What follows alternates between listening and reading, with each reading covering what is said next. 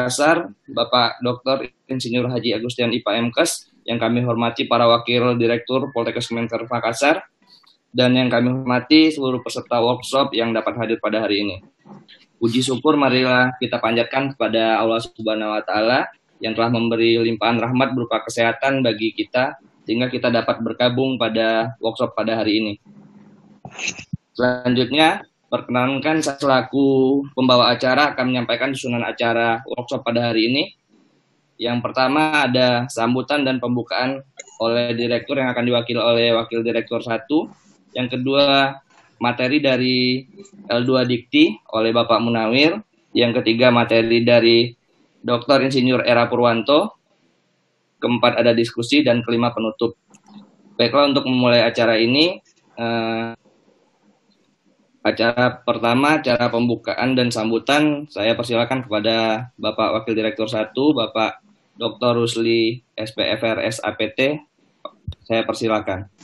Baik, makasih Pak Alvin. Mohon izin Pak Direktur, Pak Wadir, uh, saya di, ditunjuk sebagai ini nih, memberikan kata penada Pak Direktur, jadi mohon izin Pak Direktur dan Pak Wadir. Assalamualaikum warahmatullahi wabarakatuh. Selamat pagi, salam sejahtera semuanya. Syukur Alhamdulillah kita masih bisa uh, ketemu meskipun maya ya pada kegiatan yang diselenggarakan oleh Poltekkes Kemenkes Makassar di bawah naungan Pusat Pengembangan Pendidikan, Bu Nurul ya. Baik, uh, pertama-tama izinkan saya menyampaikan apresiasi yang luar biasa kepada Bapak Ibu sekalian, terutama narasumber kami yaitu Pak Munawir dengan Pak Era. Terima kasih waktunya. Uh, meskipun saya tahu kedua kedua ini uh, Bapak ini luar biasa rapat sumnya kalau saya lihat ini Pak Munawir sekalian di mana-mana Pak ini rapatnya luar biasa. Baik Bapak Ibu sekalian, saya tidak berlama-lama nanti dipandu oleh moderator Pak Ibu Nurul. Perlu mungkin barangkali saya sebentar saya sampaikan bahwa kegiatan ini kami laksanakan sebenarnya merespon dari prodi fisioterapi D4 dengan prodi, prodi keperawatan gigi. Uh, sekedar informasi saja bahwa beberapa peminat dari luar, Pak, dari luar, kata kalau dari fisioterapi itu lulusan alumni dari D3 kebetulan di Manado itu belum ada fisioterapi, ingin mau melakukan atau me, ingin me, mengikuti pendidikan alih jenjang dari D3 ke D4 di Poltekkes Makassar, sedangkan yang bersangkutan ada di Manado. Demikian pula dari keperawatan gigi ada di Lu Banggai, luar biasa jumlahnya kalau dia 100 lebih dan ada di Sinjai. Nah, saya tidak tahu dengan uh, yang lain mungkin barangkali mau mengikuti kegiatan-kegiatan seperti PJJ atau PSDKU uh, eh, karena perlu kami juga beritahukan bahwa uh, kemarin kami itu sudah keluar nilai akreditasi dari 14 program studi yang kami uh, divisitasi, dekritasi, alhamdulillah 50% Pak, 7 dapat nilai A. Dari dasar itulah pula kami uh, kepingin membuka kegiatan seperti dengan kampus-kampus lain yang lakukan pembelajaran pendidikan jarak jauh. Mungkin narasumber akan bisa memberikan uh, apa uh, share ilmunya terkait dengan pembelajaran pendidikan jarak jauh atau PSDKU. Saya kira itu saja Pak uh, uh, apa sambutan saya uh, mungkin barangkali nanti akan dituntun sama Ibu Nurul terkait dengan uh, materi kita yaitu PJJ dan PSDKU. Uh, terima kasih atas uh, atensinya, perhatiannya. Mohon maaf bila kalau misalnya dalam uh, kegiatan ini ada yang tidak berkenan, mohon maaf. Baik, terima kasih. Bila itu hidayah. Wassalamualaikum warahmatullahi wabarakatuh. Waalaikumsalam warahmatullahi wabarakatuh. Terima kasih kepada Bapak Wadir satu untuk masuk ke acara selanjutnya akan dipandu oleh moderator kita, Ibu Dr. Siti Nurul Fajriya. Kepada Ibu Nurul, saya persilakan.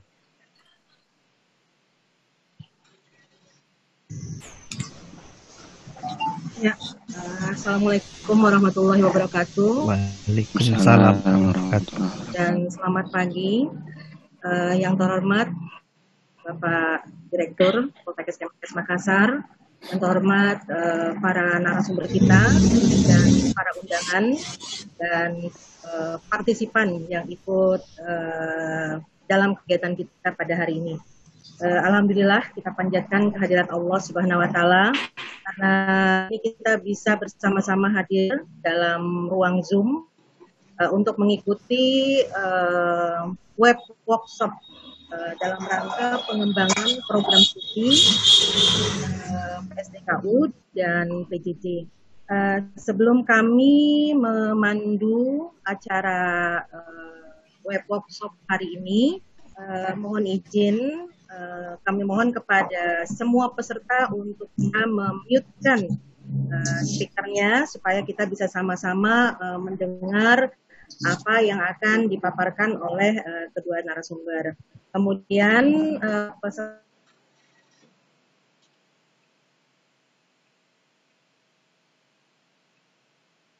Jika ada pertanyaan bisa langsung dituliskan di kolom chat uh, dan kami akan prioritaskan lima pertanyaan pertama untuk kami akomodir. Namun jika ada waktu kami bisa akan menambahkan. Uh, sebagai informasi juga untuk pelaksanaan workshop uh, hari ini uh, waktu yang dialokasikan untuk setiap narasumber narasumber dalam rangka menyajikan materinya itu kurang lebih 20 menit. Selanjutnya diikuti dengan tanya jawab dengan waktu kami berikan juga uh, 20 menit. Jika masih ada waktu lagi, insya Allah kita akan sesuaikan. Ya, jadi uh, sebelum saya uh, meminta kesediaan kedua narasumber untuk menyajikan materi, uh, saya bacakan uh, kurikulum vitae dari kedua narasumber. Uh, untuk yang pertama itu dari Bapak Munawir. Uh, Pak Munawir, nama lengkap adalah Bapak Munawir Rajak, SIP, MA. Uh, kemudian uh, pendidikan beliau itu S1 dari Universitas Hasanuddin, S2-nya dari Universitas uh, Indonesia. Kemudian riwayat jabatan beliau pernah memangku jabatan sebagai Kepala Subbagian Pers dan Media Kemenristek, kemudian Kepala Subbagian Komunikasi Media Massa Kemenristek Dikti, kemudian beliau juga pernah sebagai Kepala Bagian Komunikasi Publik Kemenristek Dikti, dan sekarang posisi beliau adalah sebagai uh, Kepala bagian kelembagaan dan sistem informasi L2 Dikti wilayah 9 uh, Sulawesi. Ya, uh, selanjutnya saya bacakan untuk uh, biodata narasumber kita yang kedua.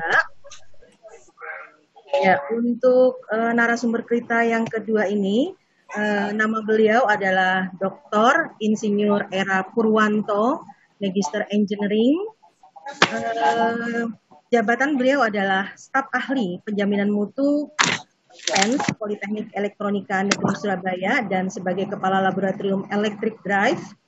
Uh, kemudian riwayat pendidikan beliau uh, untuk S1 dari ITS Teknik Elektro, kemudian master dari Shizuoka University Teknik Elektro juga, kemudian program doktor di Shizuoka University seba, uh, untuk teknik elektro, kemudian uh, lead author ISO 9001 2015 British Standard Management yang, yang Anda tulis manajemen mohon maaf ada gangguan uh, kemudian lead auditor ISO 5001 2011 uh, British Standard uh, Manajemen Energi. Nah, untuk riwayat pekerjaan, beliau adalah uh, pernah memangku sebagai pembantu direktur bidang kerjasama di PENS, kemudian uh, membantu direktur bidang akademik, kemudian sebagai ketua P3M. Uh, ini mungkin pengabdian dan pengabdian masyarakat nanti mungkin bisa dikoreksi oleh Pak oleh Pak Pak Era sendiri. Kemudian yang terakhir beliau juga adalah sebagai asesor Ban PT dan sebagai informasi juga perlu kami sampaikan bahwa Pak Era ini sebenarnya uh, sudah lama uh, bekerja sama dengan Poltekkes Kemenkes Makassar. Karena beliaulah yang me, memasang atau memberikan dasar-dasar uh, keilmuan keilmuan tentang penjaminan mutu. Jadi beliau adalah asesor yang kemarin mendampingi kami untuk uh, pelaksanaan akreditasi untuk pertama kali Poltekkes Kemenkes Makassar. Jadi terima kasih sekali Pak Era bisa hadir dan ternyata juga beliau uh, berpengalaman dalam pengelolaan uh, eh, PJJ dan PSDKU karena untuk PEN sendiri itu sudah melaksanakan program tersebut sehingga kita mungkin harus banyak guru kepada beliau. Ya, uh, mungkin demikian uh, untuk uh, apa namanya biodata yang saya bisa sampaikan. Nanti untuk lebih jelasnya dan sumber langsung yang akan uh, mempertegas uh, terkait dengan biodatanya.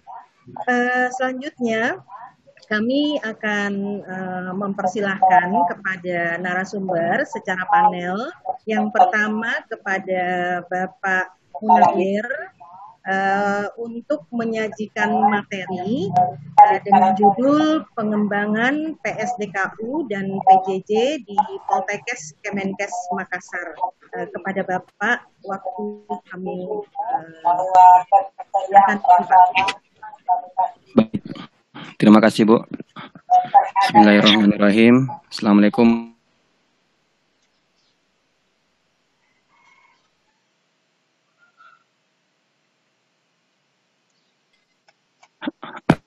Cek. Ya, sorry. Assalamualaikum warahmatullahi wabarakatuh. Eh, yang saya hormati Pak Direktur Poltekkes Kemenkes Makassar beserta para wakil direktur, Bapak Ibu para eh, dosen, para ketua jurusan, ketua prodi dan seluruh pejabat di Poltekkes Kemenkes serta eh, para Pak Era empat narasumber dari fans dan Bapak Ibu peserta diskusi pagi ini yang eh, tidak hanya berasal dari Poltekkes Kemenkes Makassar tapi juga tadi saya dengar ada dari eh, luar daerah. Alhamdulillah pada kesempatan pagi ini kita masih eh, diberikan kesempatan oleh Allah Subhanahu wa taala untuk kembali bersilaturahmi dan saya rasa untuk Poltekkes Kemenkes Makassar eh, saya tidak perlu lagi memperkenalkan diri karena seingat saya ini interaksi kita yang ketiga. Eh, yang pertama tahun lalu ketika kita BIMTEK untuk pembukaan prodi baru dan yang kedua kita di awal tahun lalu di Tanjung Bira kita sempat eh, bertemu pada saat eh, eh rapat kerja dan alhamdulillah yang ketiga ini kita bisa kembali bertemu untuk membahas eh, bagaimana kemungkinan eh, yang akan diambil oleh Poltekkes Kemenkes Makassar akan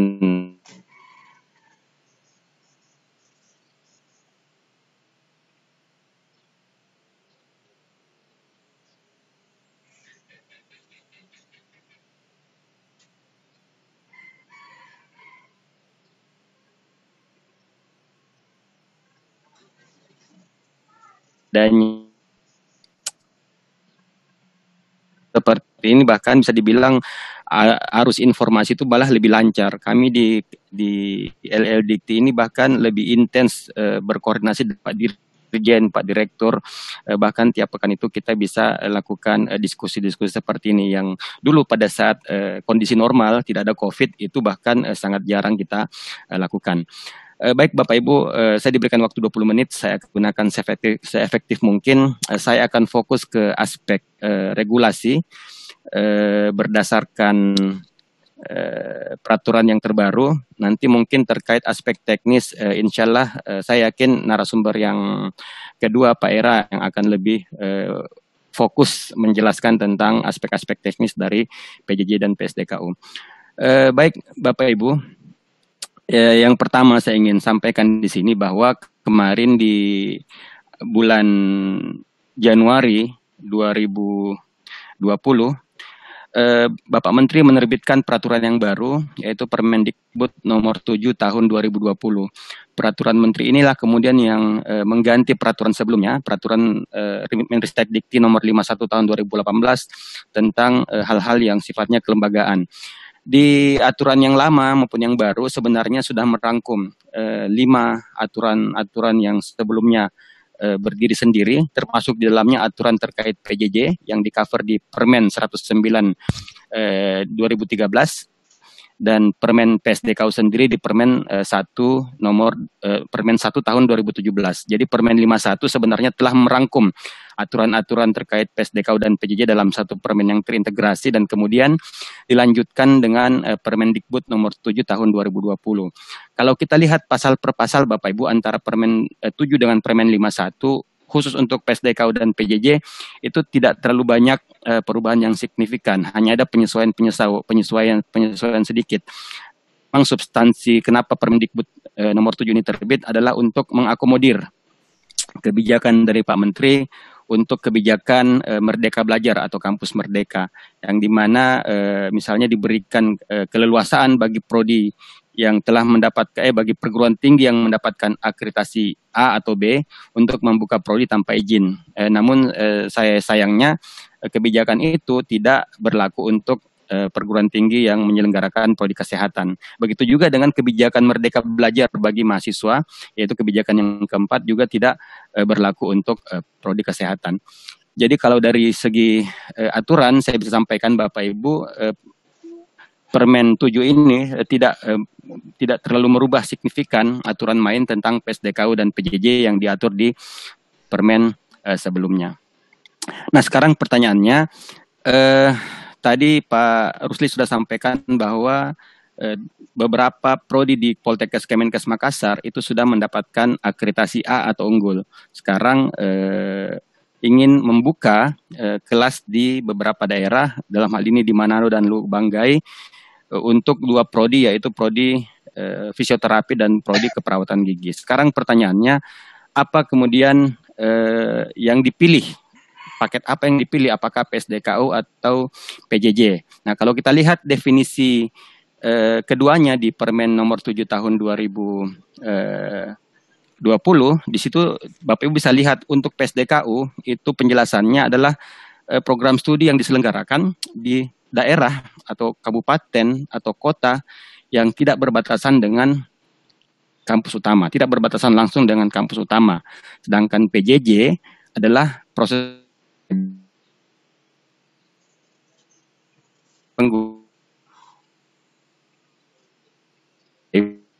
perbedaannya kalau eh, titik beratnya atau concernnya lebih kepada aspek geografis.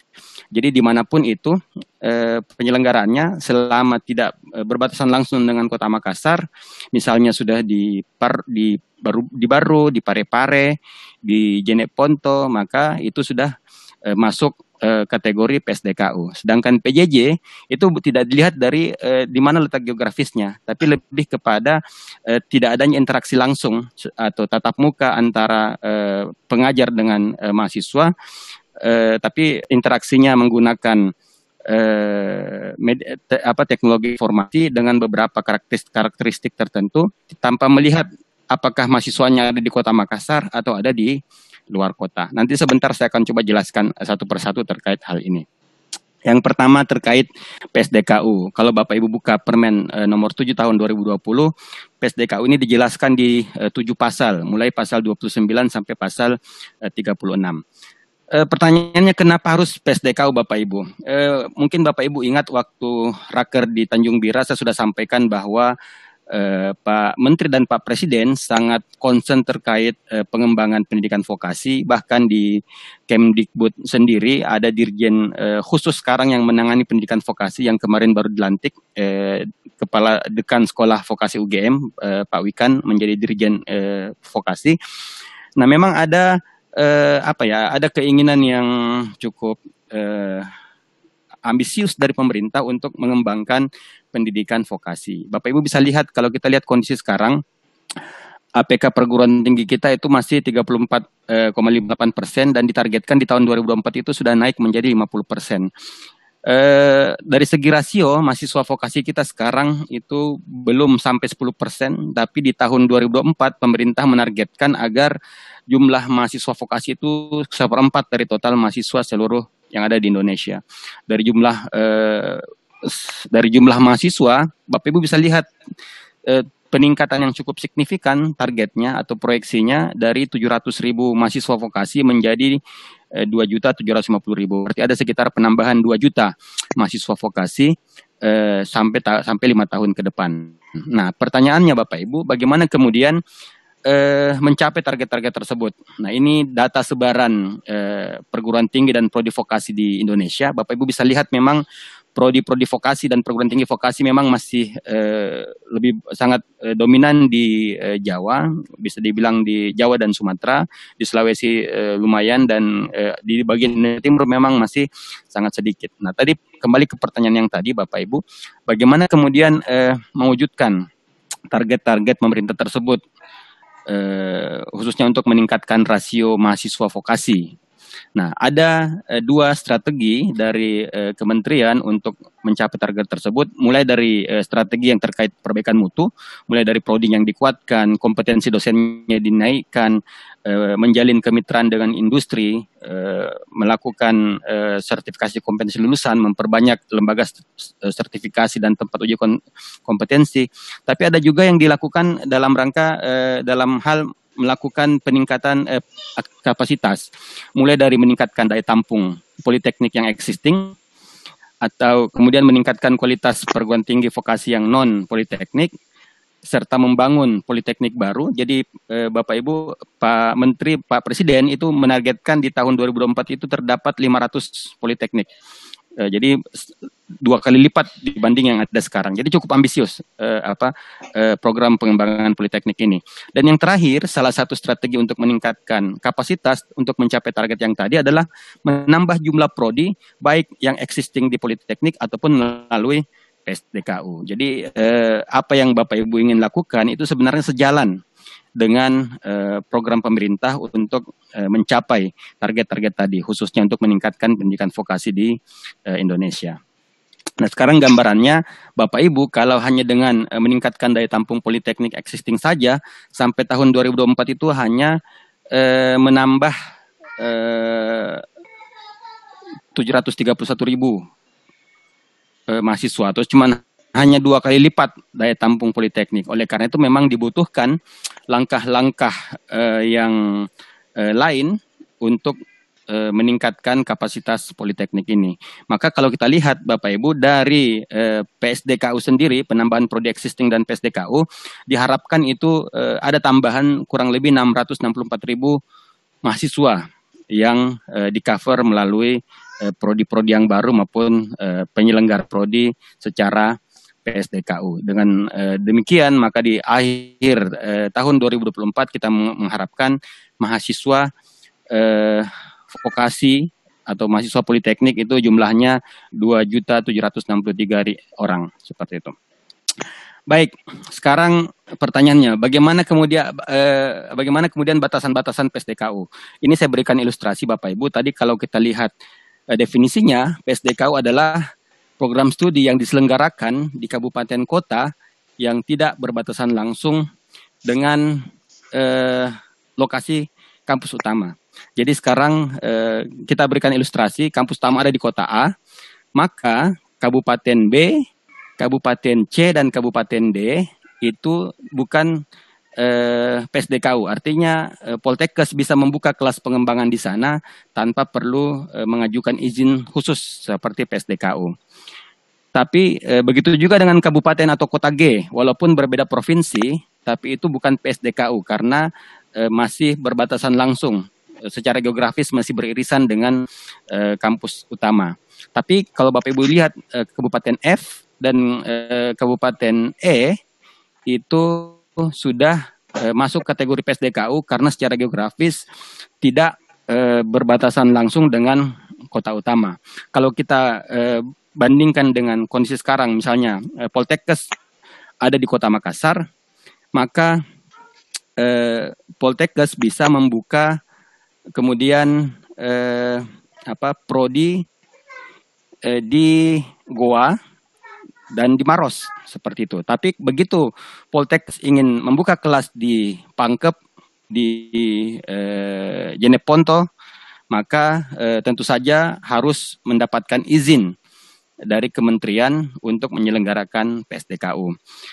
Jadi yang dilihat bukan eh, kalau melihat eh, Permendikbud nomor 7 tahun 2020 yang dilihat bukan eh, radius atau jarak tempuh tapi lebih kepada eh, letak eh, geografis apakah berbatasan langsung atau tidak. Nah, ini kemarin yang menarik Bapak Ibu eh, salah satu perguruan tinggi swasta kami di Palopo di Kota Palopo yaitu Stikes Megabuana itu ingin membuka kelas pengembangan di eh, Luwu Utara dan di Kabupaten Luwu di Belopa dan Masamba.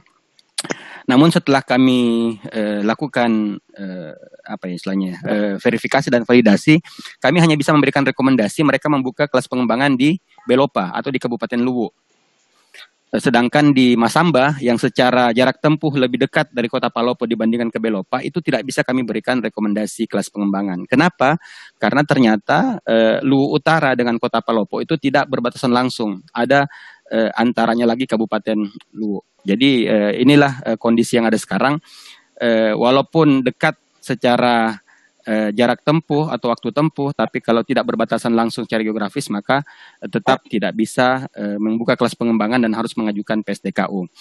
Eh, sedangkan eh, mungkin yang jaraknya jauh, misalnya nih saya berikan contoh ya Bapak Ibu, ada eh, akper di Goa itu bisa membuka kelas di Sinjai walaupun jarak tempuhnya bisa sampai 4 jam, tapi antara Goa dan Sinjai batasan langsung di Malino. Jadi ini ini eh, apa aturan yang eh, ada di Permendikbud nomor 7 tahun 2020. Kemudian eh, persyaratannya, ketentuannya yang pertama PSDKU itu eh, harus membuka prodi yang sama dengan yang sudah ada di eh, kampus utama. Jadi misalnya kalau di apa di Poltekkes sudah ada D4 fisioterapi maka fisioterapi eh, apa maka PSDAKU yang dibuka adalah eh, prodi yang sama yang sudah ada. Jadi tidak boleh membuka prodi baru yang belum ada di kampus utama.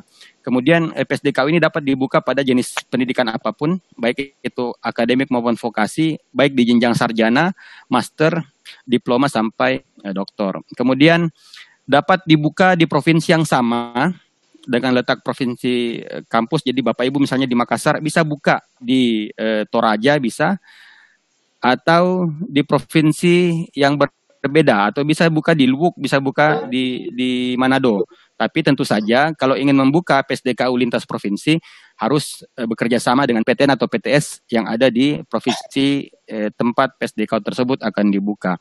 Kerjasamanya itu meliputi kerjasama bidang akademik maupun non akademik. Kemudian apa saja persyaratannya Bapak Ibu? E, kalau di permen sebelumnya, permen 51 tahun 2018 itu di breakdown langsung. E, jadi dibedakan e, pem, apa e, breakdown antara dosen e, prodi biasa dengan PSDKU dengan PJJ. Tapi kalau di permen 7 e, dosennya itu di breakdown di e, ketentuan dosennya di breakdown di perme e, di pasal-pasal ter, terkait prodi kampus utama, kemudian di pasal yang terkait PSDKU dia merujuk ke pasal eh, sebelumnya itu pasal 24 ayat 2. Yang pertama syaratnya kurikulum prodinya harus disusun berdasarkan kompetensi lulusan sesuai dengan SNDikT dan ketentuan perundang-undangan. Ini standar ya. Yang kedua dosennya paling sedikit berjumlah lima orang dengan kualifikasi eh, sesuai dengan peraturan perundang-undangan. Jadi Bapak Ibu kalau Bapak Ibu mau buka PSDKU di Luwu mau buka PSDKU di Manado, maka dosen yang mengajar di sana bukan dosen yang sekarang mengajar di prodi eh, existing. Jadi harus dosen khusus yang ditugaskan. Jadi bukan dosen yang merangkap mengajar di Makassar juga mengajar di Luwu. Tidak bisa seperti itu. Yang yang mengajar di PSDKU Luwu adalah dosen yang eh, ditugaskan khusus untuk tinggal dan mengajar di Luwu Banggai ataupun di Manado seperti itu. Jadi dosennya khusus, bukan dosen terbang Makassar, Luwu, Makassar, Manado seperti itu.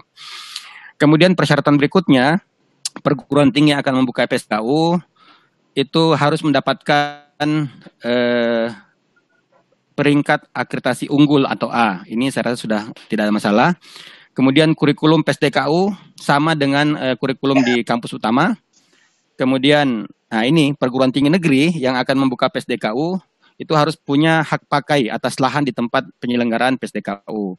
Misalnya kemarin Politek Negeri Ujung Pandang punya PSDKU di Kabupaten Bombana, maka mereka harus mengurus eh, hak pakai lahan tersebut dari Pemda Bombana. Kemudian Nah, PSDKU dikelola oleh unit pengelola PSDKU yang pada PTN disusarkan ketentuan perundang-undangan.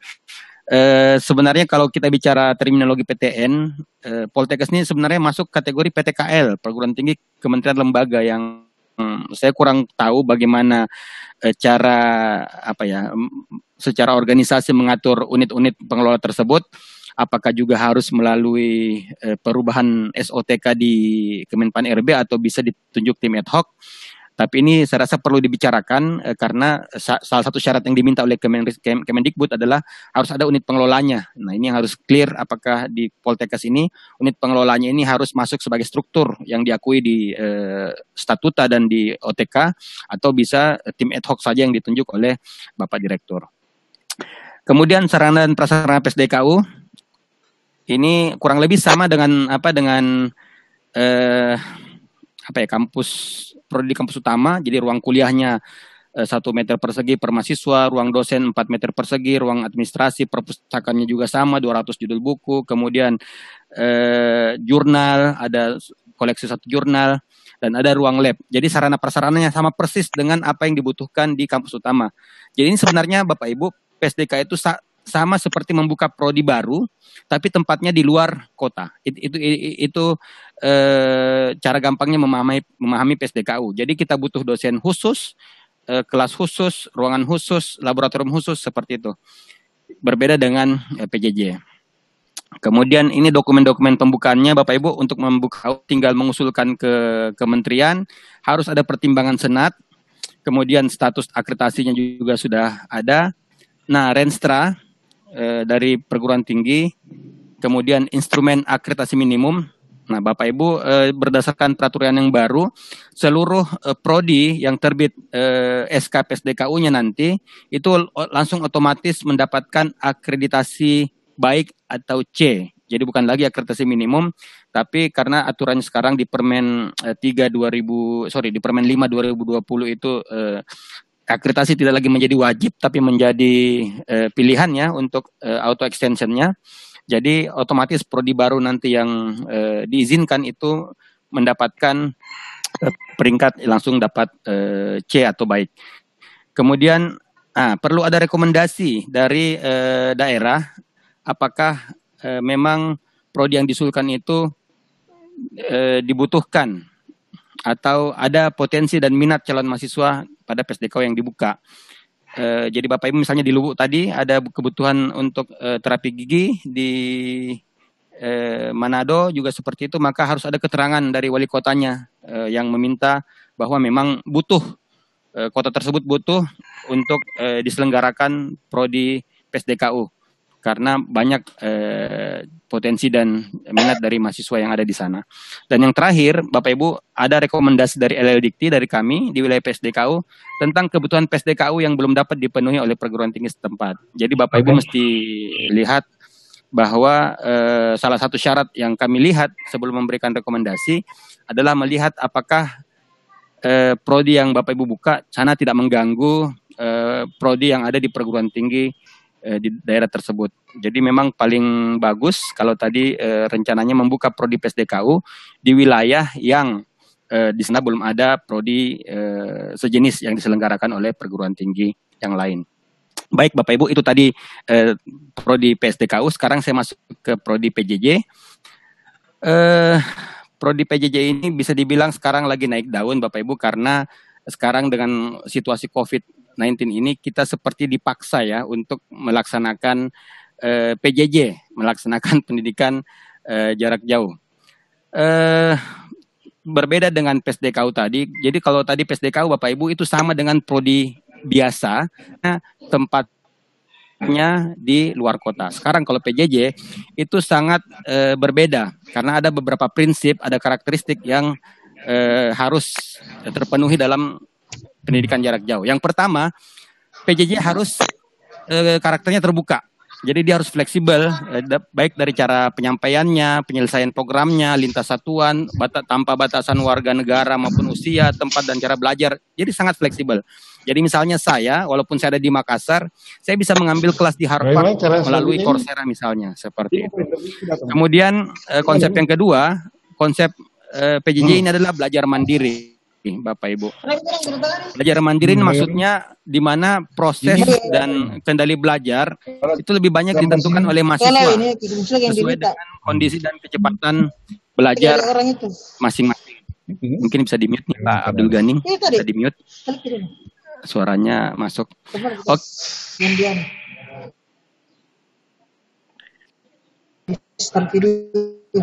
Yang ketiga, Bapak, Bapak Ibu, eh, karakteristiknya adalah peserta bisa belajar di mana dan kapan saja. Nah, inilah eh, sebagai konsekuensi dari konsep terbuka dan belajar mandiri, maka belajar itu tidak lagi diatur oleh eh, waktu dan tempat. Dan yang terakhir tentu saja karena eh, sekarang kebutuhannya fleksibel, maka tidak ada cara lain kecuali menggunakan atau memanfaatkan teknologi informasi dan eh, komunikasi untuk memfasilitasi interaksi antara pendidik dan mahasiswa.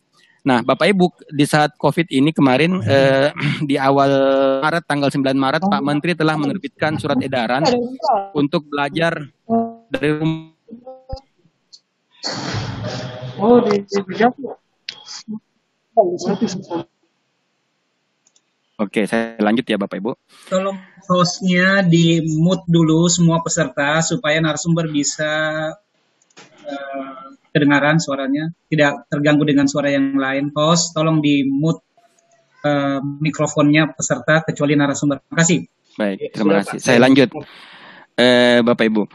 Eh, nah sekarang di masa COVID ini banyak perguruan tinggi kemudian yang belum siap dengan konsep PJJ sehingga begitu uh, edaran dari kementerian agar belajar dari rumah akhirnya yang belum menyiapkan LMS atau Learning Management System kebanyakan uh, kemarin kami survei dosen-dosen kami itu banyak yang menggunakan video conference seperti Zoom seperti yang kita gunakan atau Webex meeting dan lain-lain. Yang sebenarnya itu bukan apa ya bukan uh, konsep PJJ karena tadi belajarnya bukan belajar mandiri dan wajar kalau kemudian masih berteriak komplain kehabisan kuota karena kalau kita zoom meeting seperti ini eh, traffic datanya sangat tinggi dibanding kalau kita belajar sendiri belajar mandiri eh, menggunakan eh, LMS. Nah kemudian ada tiga bentuk mata PJJ Bapak Ibu. Ada yang namanya mata kuliah. Kalau mata kuliah ini hanya diselenggarakan eh, di internal perguruan tinggi dan ini tidak perlu izin dari menteri Bapak Ibu. Untuk mata PJJ mata kuliah ini cukup izin dari uh, pimpinan perguruan tinggi dengan per, per, uh, persetujuan persetujuan dari senat. Tapi syaratnya dibatasi. Paling banyak hanya 50% dari jumlah mata kuliah atau beban uh, studi yang ada dalam satu uh, dalam dalam dalam satu program studi.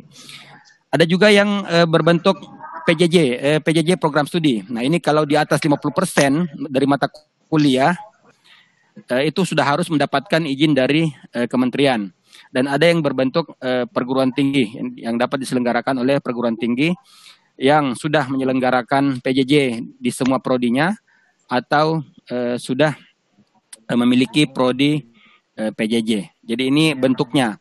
Dari segi bentuk ada tiga, dari segi modus juga ada tiga Bapak Ibu. Yang pertama adalah modus tunggal, di mana PJJ-nya itu diselenggarakan eh, pada semua proses pembelajaran eh, di mata kuliah atau program studi. Kemudian ada modus ganda, yaitu menggabungkan antara eh, pembelajaran secara jarak jauh dan tetap muka.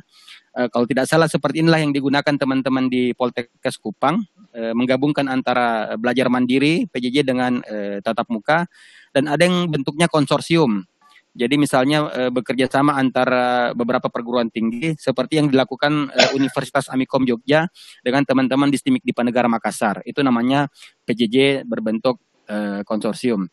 Kemudian apa saja ketentuannya Bapak Ibu? Yang pertama, capaian pembelajaran prodi PJJ itu sama dengan capaian pembelajaran prodi tatap muka. Kemudian beban studi e, minimum sama dengan tatap muka di PJJ Kemudian prodi PJJ mengakui alih kredit antar perguruan tinggi dan uh, rekognisi pembelajaran lampau. Kemudian SDM PJJ terdiri dari dosen, tutor, dan tendik. Kemudian organisasi PJJ terdiri dari beberapa unit, baik yang mengelola PJJ di tingkat perguruan tinggi, ada yang mengurusi tentang layanan administrasi akademik, ada yang mengurusi tentang pengembangan bahan ajar, ada yang mengurusi terkait teknologi informasi, kemudian unit pengujian dan ada pusat belajar jarak jauhnya Bapak Ibu. Nah ini sarana prasarana yang harus disiapkan oleh perguruan tinggi yang ingin menyelenggarakan PJJ. Mereka harus mengembangkan eh, pengelolaan pembelajaran berbasis teknologi informasi, harus punya sumber daya terhadap eh, atau akses terhadap sumber daya yang menyelenggarakan interaksi pembelajaran secara intensif, kemudian mengembangkan sumber belajar berbasis TIK, kemudian memiliki sumber daya eh, terkait praktikum, Eh, dan akses terhadap pemantapan lapangan serta memiliki PBJJ pusat belajar jarak jauh yang kemudian bisa memberikan dan menyediakan akses layanan bantuan belajar bagi mahasiswa. Nah, Bapak Ibu, kalau perguruan tinggi belum bisa memenuhi ini, maka eh, misalnya Poltekkes Kemenkes Makassar itu bisa bekerja sama dengan perguruan tinggi yang ada di eh, Manado atau di Banggai. Jadi misalnya bisa bekerja sama dengan Poltekkes Kemenkes Manado untuk menjadi tempat uh, pusat belajar jarak jauh. yang uh, atau bisa juga bukan hanya kampus ya bisa juga lembaga atau industri atau pihak lain yang punya fasilitas yang memadai dan uh, terjangkau oleh mahasiswa. itu untuk sarana prasarananya. Kemudian apa saja persyaratannya Bapak Ibu? Yang pertama mengusulkan prodi sesuai dengan jenjang dan nama yang sesuai dengan yang ada di kampus utama. kemudian harus memiliki peringkat akreditasi A dan unggul. Nah, mungkin ada yang bertanya, kenapa kemudian eh, teman-teman di Poltekkes Kupang sudah eh, mendapatkan eh, izin PJJ sejak tahun 2014 dan SK-nya eh, surat mandatnya di 2017 dan SK-nya di tahun 2017 karena Bapak Ibu bisa lihat di pasal 58 per 20 tersebut ada diskresi bagi kementerian untuk memberikan izin kepada perguruan tinggi menyelenggarakan PJJ kalau memiliki kandungan kearifan lokal atau ada kebutuhan prioritas pembangunan nasional. Jadi uh, inilah yang menjadi dasar kementerian walaupun Poltekkes Kemenkes Kupang belum akan akreditasi unggul, tapi mereka sudah bisa menyelenggarakan PJJ di lima lo di lima uh, lokasi. Kemudian, nah ini rencana PJJ sudah harus tercantum dalam renstra, jadi nggak boleh ujuk-ujuk eh, apa eh, mau buka PJJ sementara di renstranya sendiri belum pernah direncanakan untuk membangun atau mendirikan PJJ. Kemudian kurikulum didusur disusun berdasarkan eh, capaian pembelajaran yang sama dengan prioritas muka, kemudian memiliki sumber daya eh, teknologi informasi dan komunikasi untuk penyelenggaraan PJJ, kemudian telah memiliki rencana unit pengelola PJJ di tingkat perguruan tinggi, memiliki pengelola minimal lima orang dosen, kalau tutor jumlahnya cukup eh, sesuai dengan kebutuhan mahasiswa atau jumlah mahasiswa yang ada di lokasi eh, jangkauan PJJ, serta minimal dua orang tenaga kependidikan. Serta telah memiliki materi pembelajaran berbentuk digital minimal untuk dua semester, semester satu dan semester dua. Uh, jadi harus memang disusun dan yang tidak kalah penting, Bapak Ibu, uh, prodi tersebut sudah memiliki rekam jejak penyelenggaraan uh, PJJ. Jadi sebenarnya uh, tadi saya sampaikan di slide sebelumnya ada modus, uh, sorry, ada bentuk PJJ mata kuliah. Jadi sebelum eh, Bapak Ibu membuka PJJ di Luwuk atau di Manado, terlebih dahulu itu diuji cobakan, disimulasikan di prodi di kampus utama di Makassar seperti itu. Eh, dan itu tanpa izin TRI sudah bisa dilakukan eh, maksimum 50% dari jumlah mata kuliah atau beban SKS dari prodi tersebut. Apa saja kemudian dokumen yang harus diusulkan Bapak Ibu? Sama seperti PSDKU harus membuat surat usulan, kemudian persetujuan dari Senat Perguruan Tinggi, eh, kalau bagi PTS itu harus ada persetujuan badan penyelenggara atau yayasan. Tapi mungkin kalau untuk Poltekkes Kemenkes eh, sepertinya rekomendasi dari eh, BPSDM. Kemudian Renstra perguruan tinggi. Nah ini eh, kerjasama dengan dunia usaha, dunia industri. Kalau dia prodi vokasi, rancangan program akademik, dan yang terakhir lagi-lagi ada rekomendasi dari kami, dari LDikti, di wilayah perguruan tinggi yang bersangkutan, dan di wilayah jangkauan PJJ. Nah, karena Bapak Ibu akan buka di Manado dan di Luwu Banggai, maka tetap rekomendasinya hanya dari kami saja. Tapi kalau sudah mau buka misalnya di Ternate, di, di Ambon, maka itu harus juga mendapatkan rekomendasi dari uh, eh, LL Dikti wilayah 12. Kenapa kemudian eh, harus ada rekomendasi untuk melihat aspek kejendelan dan keberlanjutan? Tentu saja untuk melihat eh, agar terjadi persaingan yang sehat antara perguruan tinggi. Kemarin Bapak Ibu kami mendapat permintaan eh, rekomendasi PJJ dari universitas swasta terbaik di Indonesia yaitu Universitas Telkom yang ingin membuka S2 di Makassar. Ada dua yang mau dibuka, S2 Teknik Elektro dan S2 Manajemen. Kami eh, tentu saja hanya memberikan izin rekomendasi kepada S2 Elektro karena dari segi kejenuhan memang eh, belum jenuh artinya belum banyak eh, perguruan tinggi menyelenggarakan S2 Elektro baru di, di Unhas. Tapi untuk S2 Manajemen eh, kami dengan hati harus menolak. karena di Makassar sendiri sudah ada 12 perguruan tinggi yang uh, menyelenggarakan uh, prodi S2 manajemen. Jadi kami juga menjaga jangan sampai uh, perguruan tinggi yang existing terganggu uh, operasionalnya dengan hadirnya prodi-prodi PJJ dari luar. Nah ini juga yang mesti diperhatikan Bapak Ibu sebelum membuka prodi PJJ, dilihat, dilihat dulu situasinya, apakah di sana memang butuh dan uh, belum ada perguruan tinggi lain yang menyediakan uh, prodi yang Bapak Ibu akan buka. Jangan sampai mengganggu prodi prodi-prodi yang uh, sudah ada di sana.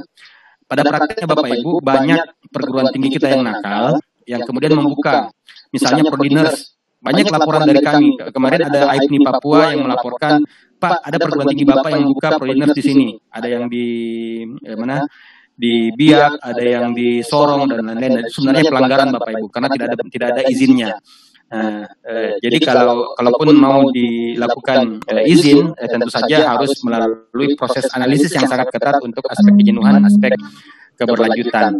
Nah, saat ini sudah ada beberapa prodi PJJ di Indonesia, Bapak Ibu. Bahkan sekarang ada tambahan, ada dari uh, Universitas Amikom. Dan Bapak Ibu bisa lihat di Poltekkes, ternyata ada dua Poltekkes yang telah menyelenggarakan uh, PJJ di Poltekkes uh, Kaltim dan di Poltekkes NTT. Nah, saya coba akan berikan uh, ilustrasi uh, tentang Poltekkes di Kupang, ada dua prodi di sini, eh, kebidanan dan keperawatan. Eh, setahu saya tadi juga ada peserta diskusi kita hari ini dari Kupang. Silakan nanti Bapak Ibu yang dari Kupang, silakan ditambahkan kalau ada yang saya kurang eh, saya berikan contoh. Eh, kurang lebih seperti ini struktur eh, PJJ yang ada di Kupang. Jadi memang ada unit, eh, ada admin prodi PJJ-nya dan ada kepala USBJJ-nya di masing-masing tingkat kabupaten. Ada lima lokasi di satu-satu di di Fakfak di Papua dan empat di Provinsi Nusa Tenggara Timur. Dan nah, seperti saya bilang tadi, modus yang digunakan adalah modus ganda, di mana dari 16 kali pertemuan, 8 pertemuan itu mahasiswa dianjurkan untuk belajar secara mandiri, eh, baik membaca modul maupun menggunakan eh, learning management systemnya. dan di sana di LMS itu misalnya Bapak Ibu bisa menggunakan Moodle, bisa menggunakan yang lain, uh, bisa uh, interaktif juga di sana. Ada forum diskusi, bisa mengerjakan tugas mandiri, ada referensinya, dan ada juga 8 pertemuan itu yang dilakukan secara tatap muka. Uh, baik pada saat UTS, uh, pada saat UAS, ataupun melalui video conference juga seperti ini. Dan ada juga tutorial yang dibantu oleh para tutor di sana terkait uh, praktek laboratorium ataupun praktek Eh, klinik. Jadi eh, ini mungkin contoh yang bisa digunakan, bisa diadopsi juga oleh Poltekkes Kemenkes Makassar menggunakan uh, modus ganda. Dan sebenarnya uh, kemarin bulan November saya dan Pak Kepala Pak Prof. Jasurdin itu berkunjung ke TEF di Gold Coast di uh, Queensland di Australia. Di sana kami juga melihat bagaimana kemudian lembaga-lembaga uh, vokasi dan uh, training itu khususnya keperawatan itu diselenggarakan secara online. Jadi mahasiswanya itu Bapak Ibu tersebar di seluruh Australia. Mereka belajar menggunakan uh, e-learning. Nanti mau praktek di mana? Di rumah sakit baru mereka datang ke rumah sakit tersebut. Jadi bisa dibilang uh, tidak ada lagi interaksi langsung antara dosen dengan mahasiswa. Nanti mereka berinteraksi pada saat uh, praktek di rumah sakit. Nah ini kurang lebih uh, kalender contoh kalender akademik di PJJ Kupang. Jadi ada apa ada uh, pembagiannya antara belajar mandiri dengan tutorial secara tatap muka maupun secara online.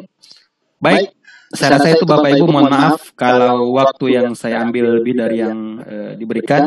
Mudah-mudahan bisa memberikan gambaran dari segi regulasi apa saja yang Bapak Ibu harus persiapkan untuk kemudian uh, memilih apakah prodi D3 dan D4 uh, D4 uh, fisioterapi dan terapi gigi ini eh, di, di Luwuk maupun di Manado menggunakan skema PSDKU itu eh, PSDKU atau menggunakan eh, skema pendidikan jarak jauh. Demikian dari saya Ibu moderator, saya kembalikan kepada Ibu. Terima kasih. Assalamualaikum warahmatullahi wabarakatuh. Waalaikumsalam warahmatullahi wabarakatuh. Ya, terima kasih Pak Munawir biasa. Kalau sebelumnya uh, pertemuan kita dengan Pak Munawir lebih bersifat uh, ingin mendapatkan informasi secara umum karena kondisi kami yang belum uh, memiliki prodi yang terakreditasi A, namun dengan uh, kondisi sekarang Poltek Kemenkes Makassar hampir 50 persen prodi sudah uh, terakreditasi A, uh, semakin memantapkan untuk uh, sesegera mungkin uh, apa namanya melaksanakan uh, itu dari kedua uh, pengembangan program studi ini ada plus minusnya sesuai dengan kondisi di Poltekkes Kemenkes Makassar sehingga uh, setelah ini uh, mungkin akan ada pertemuan-pertemuan yang lebih intensif untuk meng, uh, apa namanya merealisasikan uh, keinginan program studi. Ya, uh, begitu juga mungkin dari poltekkes-poltekkes lain, Pak. Kebetulan di sini ada beberapa poltekkes yang uh, apa namanya yang ikut dan tentu dengan adanya informasi ini uh, akan memberikan tambahan uh, wawasan untuk pengembangan program studi di institusi masing-masing. Ya, uh, untuk materi yang disajikan oleh Pak Munawir, kan memang sengaja Pak kami lebihkan waktunya. Uh, saya konsultasi tadi dengan Bapak Wadir satu, bagaimana Pak? Karena biasa kalau Zoom itu uh, kita tidak bisa berlama-lama Pak. biasanya 20 menit, tapi karena sangat menarik materinya, sehingga kami uh, berikan kesempatan uh, untuk menuntaskan materinya. Mudah-mudahan uh, para audiens bisa menangkap, uh, bisa me menyampaikan pertanyaan dan ini uh, kesempatan yang luar biasa. Ya, sebelum kita pertanyaan, kita akan masuk di babak penyajian materi dari Sekali lagi kami harap para peserta yang ingin bertanya bisa memasukkan uh, pertanyaan-pertanyaannya di kolom chat dan uh, sebutkan asal institusinya serta uh, ke pembicara mana atau ke narasumber mana yang uh, pertanyaan itu akan ditujukan. Uh, kemudian uh, termasuk ini kami mohon para peserta uh, mengecek kolom chat. Ada beberapa informasi terkait dengan absensi terkait dengan uh, sertifikat.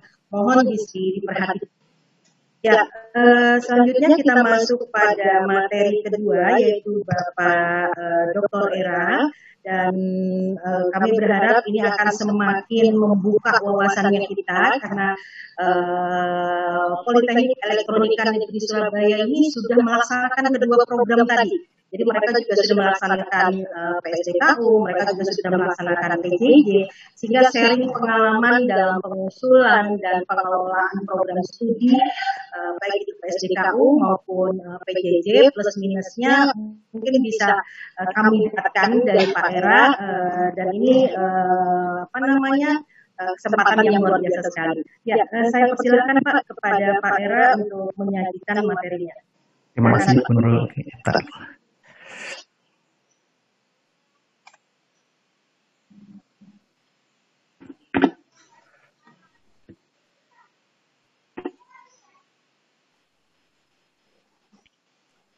Sebentar, tadi saya buka dulu.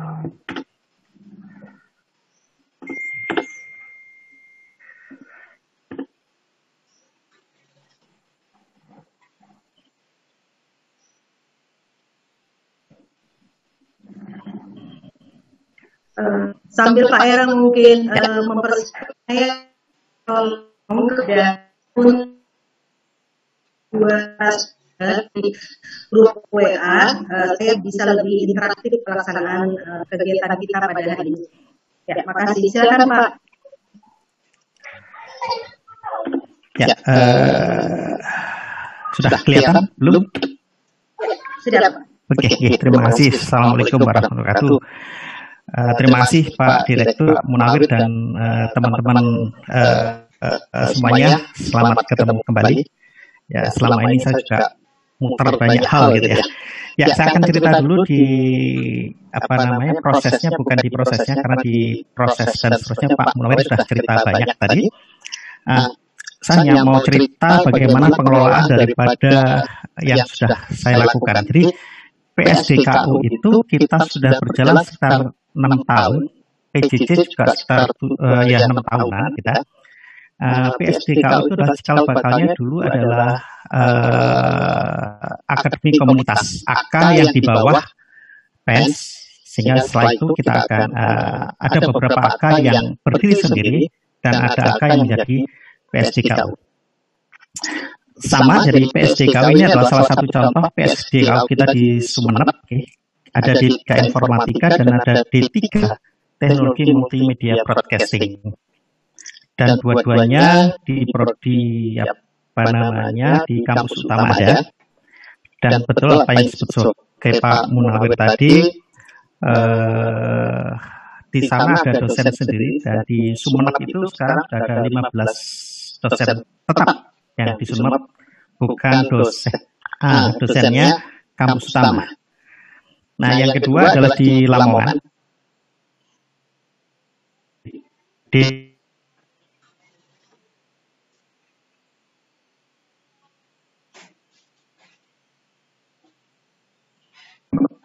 uh, Pemda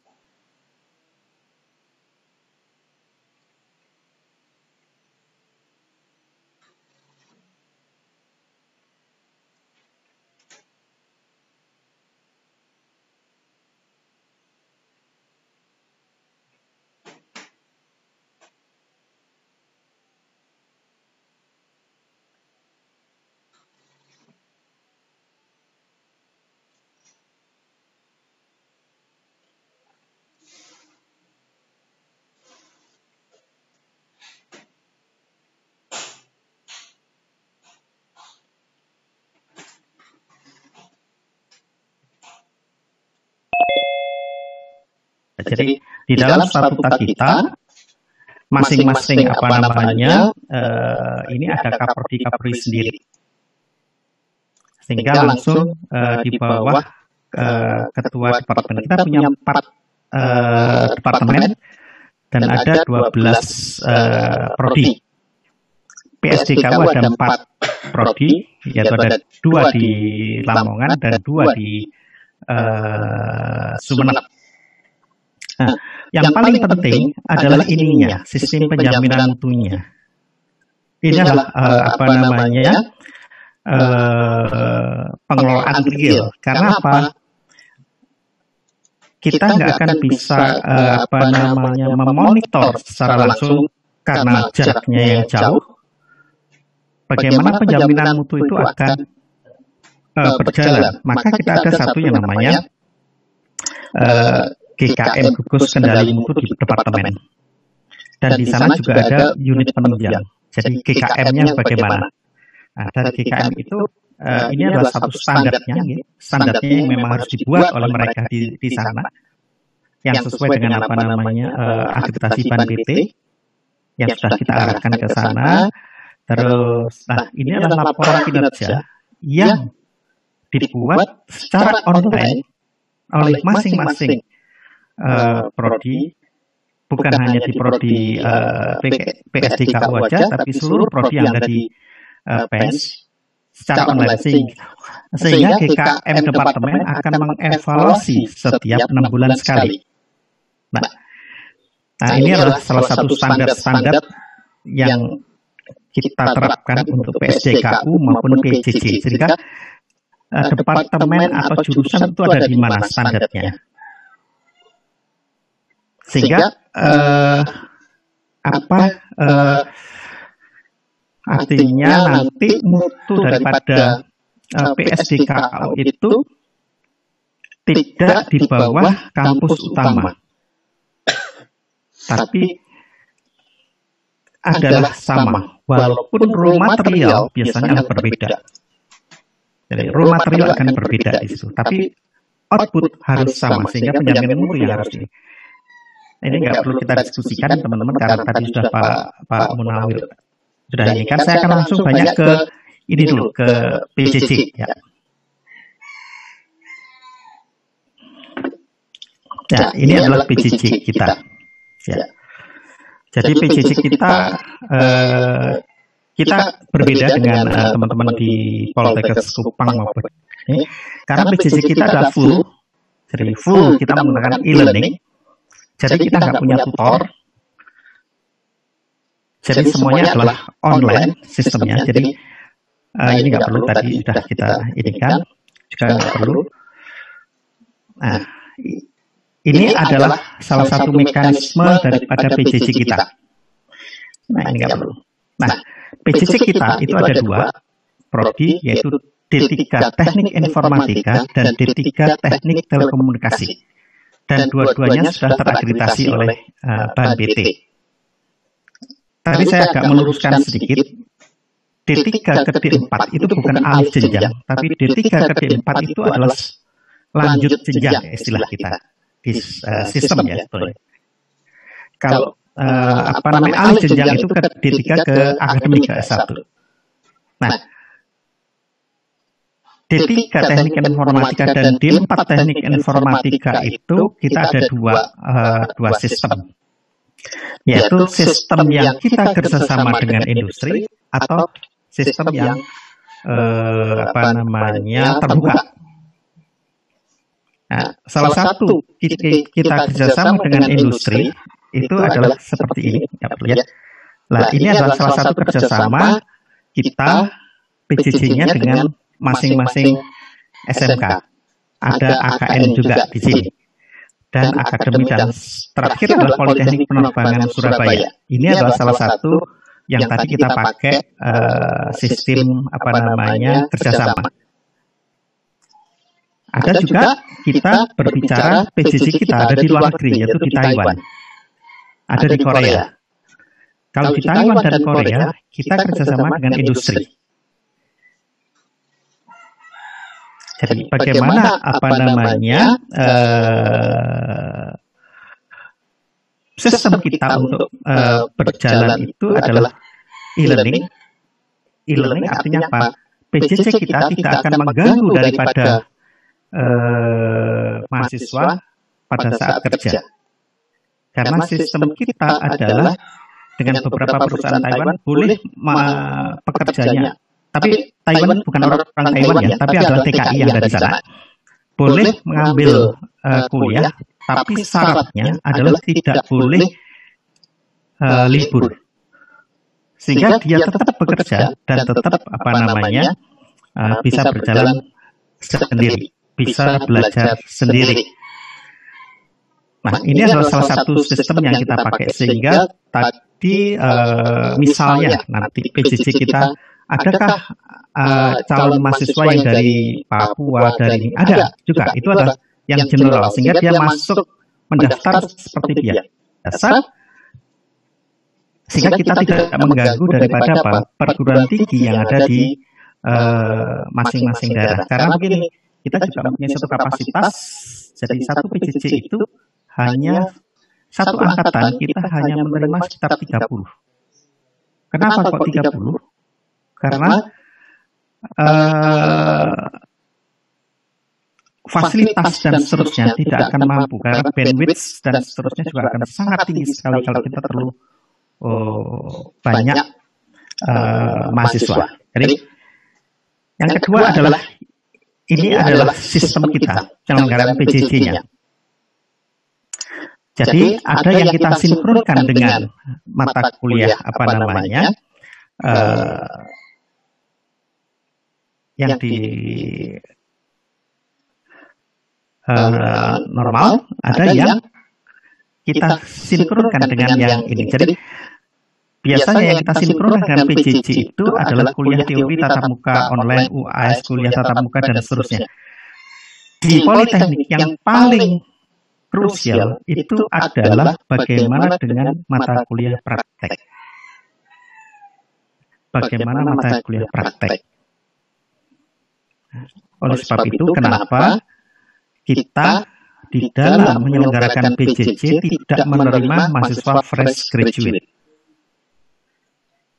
tapi adalah menerima mahasiswa yang sudah bekerja. Syaratnya adalah minimal 4 tahun.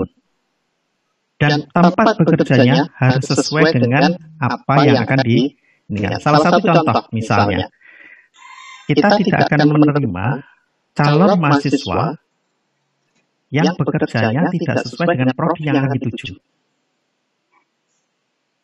Salah satu contoh, ada calon mahasiswa bekerja di bank.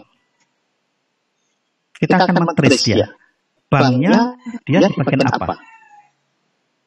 Kalau dia banknya di bagian uh, informatika, kita akan bisa. Tapi kalau banknya ada di Thailand dan seterusnya, maka kita tidak akan menerima daripada mahasiswa itu. Karena apa?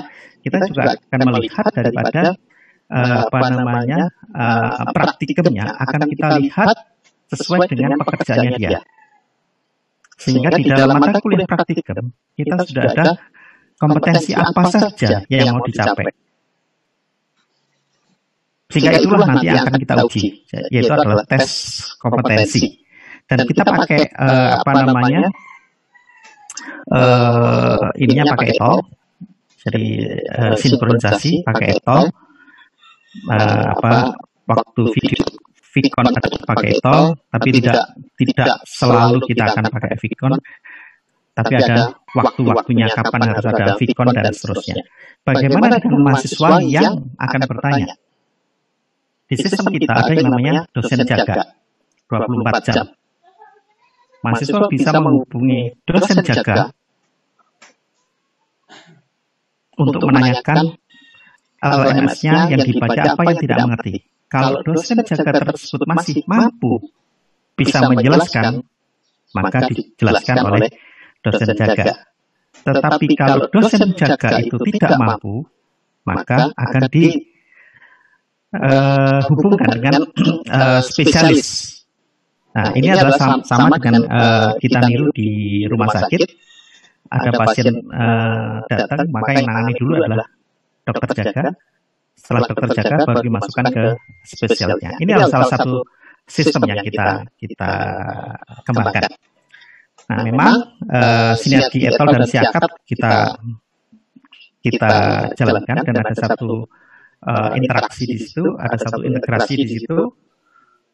Bagaimana soal tes, bagaimana jadwal dan seterusnya itu masuk masuk di uh, di situ semua. Nah ini adalah model pembelajaran kita. Jadi kalender akademik tiap semesternya, kuliah tatap muka adalah empat kali terjadwal Sabtu, Minggu, atau Minggu saja. Kuliah online itu hari Senin sampai Jumat, nah, ada jamnya. Nah, ini adalah satu uh, kalender apa namanya akademik yang sudah kita uh, terapkan, yaitu yang minggu itu adalah yang, yang biru itu adalah kuliah tatap muka. Jadi kuliah tatap mukanya adalah satu semester satu dua tiga empat ya. Terus ada kuliah termediasi tadi dengan dosen jaga tadi. Ada UTS dan uh, UAS di situ. Inilah yang yang yang apa namanya yang uh, kita lakukan yang kita uh, sharingkan. Ini setiap semesternya seperti ini tahun 2020 ya. Terus inilah modelnya. Jadi ada dosen di PES, ada ini ada mahasiswa. Jadi kalau yang kita pakai tutor ada tutor, tapi kalau kita nggak pakai tutor ya uh, langsung uh, berjalan sesuai dengan LMS-nya. Ya. Yang berikutnya adalah online course-nya adalah seperti ini yang bisa di, di apa namanya uh, disinkronkan materinya sudah ada semua. ya. Nah, ini adalah salah satu uh, mata kuliah praktikum yang tidak bisa kita teskan dengan kompetensi maka kita pakai begini. nah praktikum ini kita pakai tutor. salah satunya adalah kita kerjasama dengan kalau di Taiwan tadi kita kerjasama dengan NTU, tapi kalau ada yang bisa kita tes apa namanya dengan kompetensi, maka akan kita tes dengan kompetensi di sini. Ini adalah contoh-contohnya. Ini model UTS dan UAS-nya, ada bank soal, kita sinkronkan. Ya. Nah, ini adalah ujian tugas akhirnya atau proyek akhirnya. Terus kita pakai tol di sini. Ini adalah mekanisme sistem kita. Jadi uh, bagaimana kita akan uh, menyelenggarakan daripada PJJ di sini. Nah, ini adalah salah satu apa namanya etol kita. Jadi kuliahnya atau di kelas virtual. Jadi ada lab virtual, ada video pembelajaran dan ada uh, administrasi perpustakaan dan seterusnya yang sudah kita develop. Nah, ini adalah virtual class salah satu contohnya sehingga kita bisa melihat di situ dan virtual classnya kita bisa juga oratoret jadi bukan hanya lampilkan ini tapi kita juga bisa nulis di dosennya. ya. Nah bisa video on demand artinya mahasiswa bisa apa namanya uh, tadi dosen jaga tadi bisa call dengan dosen jaganya. ya. Nah inilah semuanya. jadi ini adalah sistemnya. mungkin karena waktu ya. Jadi kita akan lebih banyak berdiskusi itu yang bisa saya sampaikan terima kasih assalamualaikum warahmatullahi wabarakatuh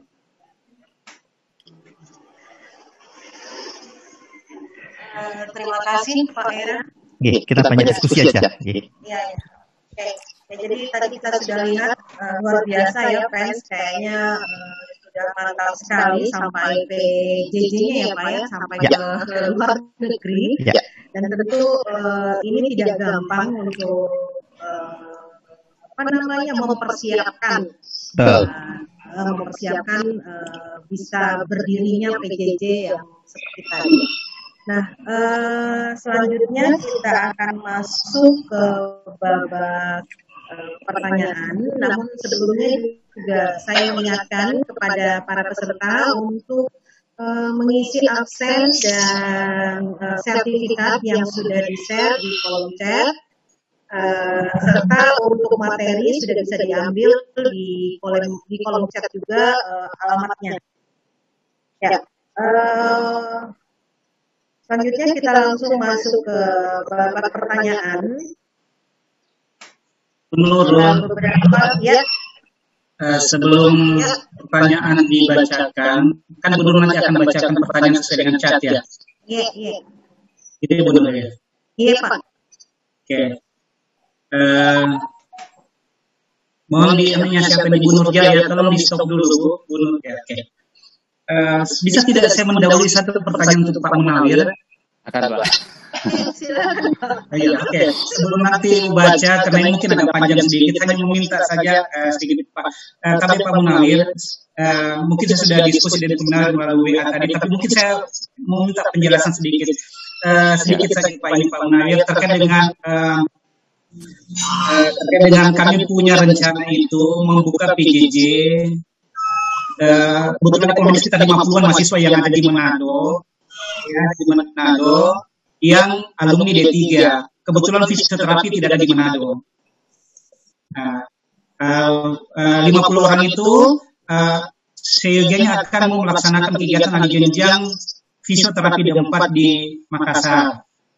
Kemudian untuk eh, terapis gigi D4, demikian pula dari alumni D3 mau ke D4 di Lubanggai dan Sinjai.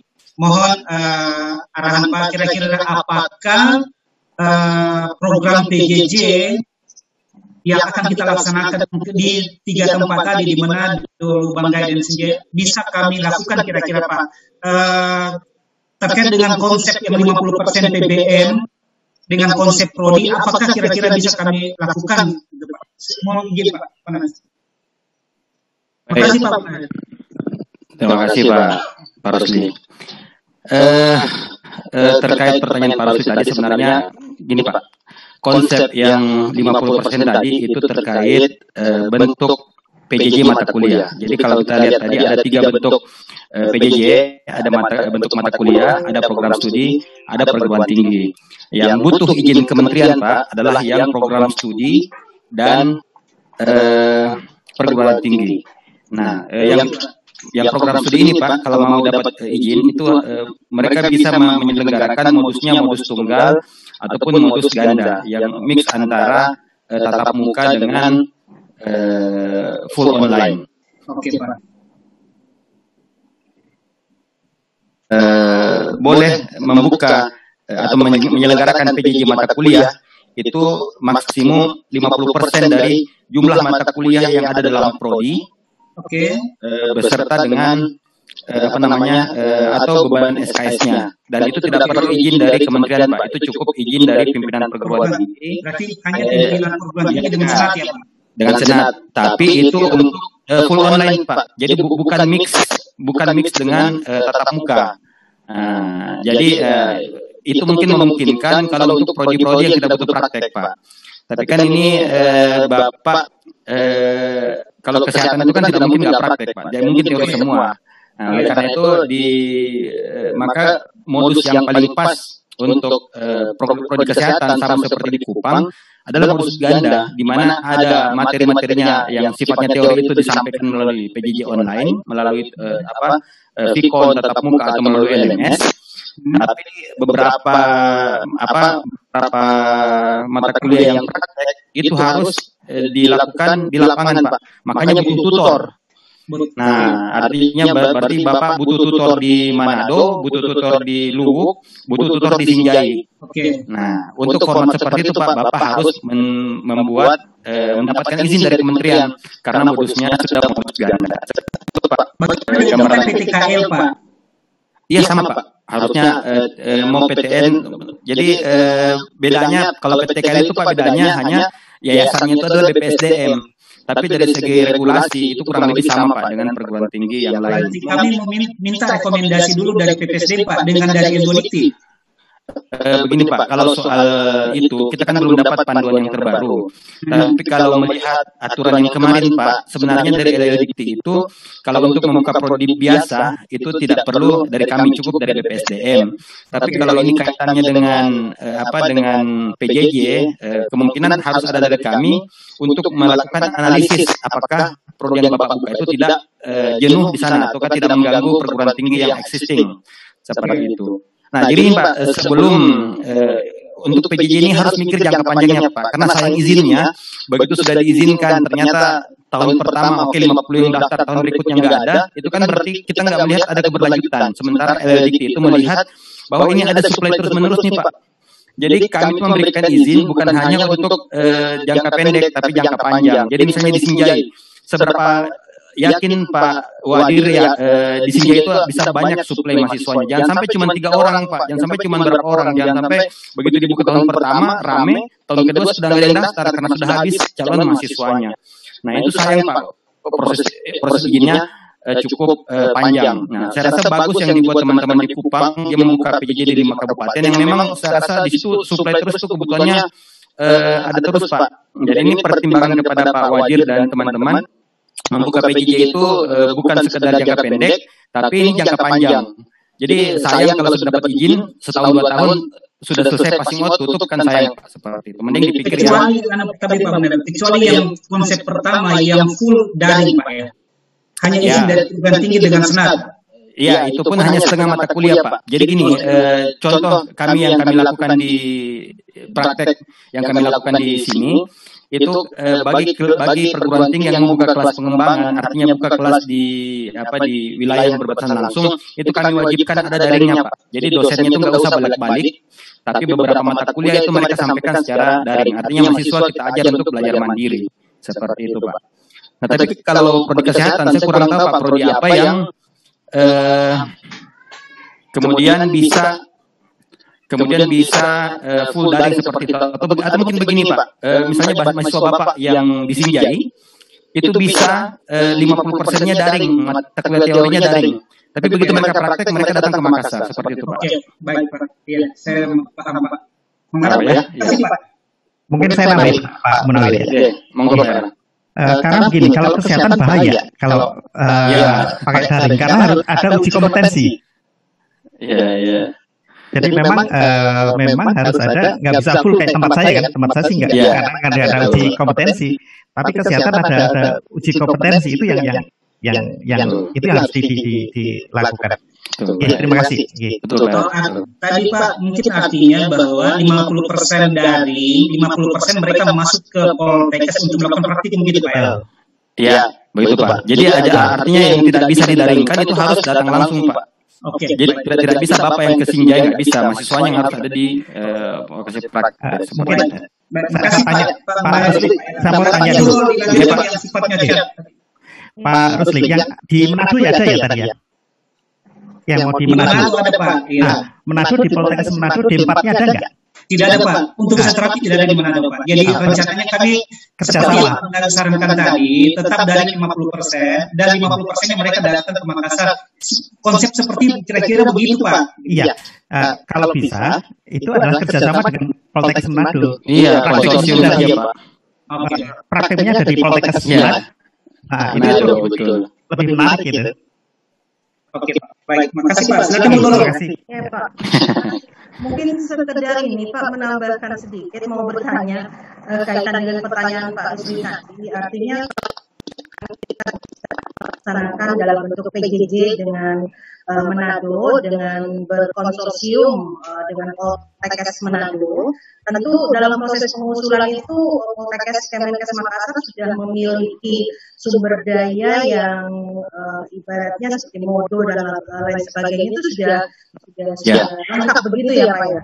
Setidaknya untuk dua semester pertama, Bu. Semester Ya, pertama. artinya eh, untuk mengusulkan itu harus dilengkapi dengan perangkat itu untuk dua semester Iya. ya Pak.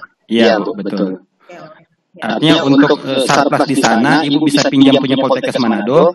Ya. Dan tutor-tutornya, eh, ingat Bu, harus ada tutor. Jadi tutor ini sesuai dengan mahasiswa yang yang yang ada yang dilayani. Eh, kualifikasi pendidikannya se- selevel dengan eh, yang mau dibuka. Eh, artinya sarpas sarpas itu bisa kerjasama dengan di sana. Tapi tadi Bu ada harus ada rekam jejak prodi ini sudah menyelenggarakan eh, PJJ secara internal dulu, makanya harus ada simulasi dulu. Makanya eh, saya sarankan Pak Wadir supaya sebelum buka PJJ jalankan dulu yang 50% ini nih yang tidak perlu izin menteri. Seperti Eh, simulasi Pak ya. simulasi dulu betul. Oke, siap siap Pak. Siap. Oke oke oke. Simulasinya untuk internal dulu ya Pak. Iya Bu. Jadi walaupun mahasiswanya di Makassar, mereka eh, mungkin nggak perlu kampus, cukup ya belajar set- set- setengah mata kuliahnya itu mereka nggak usah kampus tapi belajar mandiri lewat eh, LMS atau modul-modul cetak seperti itu. Oke, siap. Oh iya. Bisa sedikit Bu, Ya, silakan dari mana? dari fisioterapi Bu, dari Bu. Oh iya iya. Ini langsung kayaknya ya. Silakan Pak. Apa Bapak sudah kasih masuk di ini Pak kolom chat? Belum, belum, belum. Mungkin bukan pertanyaan, tapi, eh, mungkin eh, supaya saya sebenarnya dengan Pak Era, betul apa yang dikatakan Pak Era. Karena sebenarnya ini sudah sudah sudah sedikit apa ya ada kalau dikatakan tadi Pak eh, Pak Munawir bahwa ini sangat dibutuhkan. Terus terang di sana ada D3 fisioterapi Pak swasta tapi cuma D3 saja. Nah ini saya lihat saya sangat bernapas panjang ini karena memang ada ada apa ya sebenarnya sudah berjalan. Eh, dari Manado ini yang mau bekerja sama sebenarnya adalah eh, ketua daerah Manado sebenarnya. Dan mahasiswanya bahkan eh, sudah menyurat ke direktorat Poltekkes itu jumlah mahasiswa kurang lebih 50 karena rata-rata di sana adalah alumni dari D3 fisioterapi.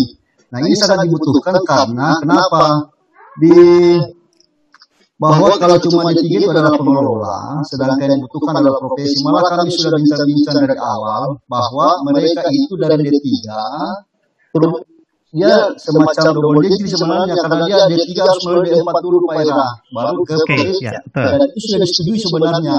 Betul. Nah ini memang agak berat kalau EPSD kau usah lihat karena harus ada lima orang dosen atau peneliti tutorial. Nah padahal di sana tidak ada yang eh, apa namanya kelasnya lagi di atas karena D3 kan gitu. Iya. Nah malah sudah eh, apa namanya eh, media itu sudah menyurat dan sudah ada mahasiswanya sebenarnya.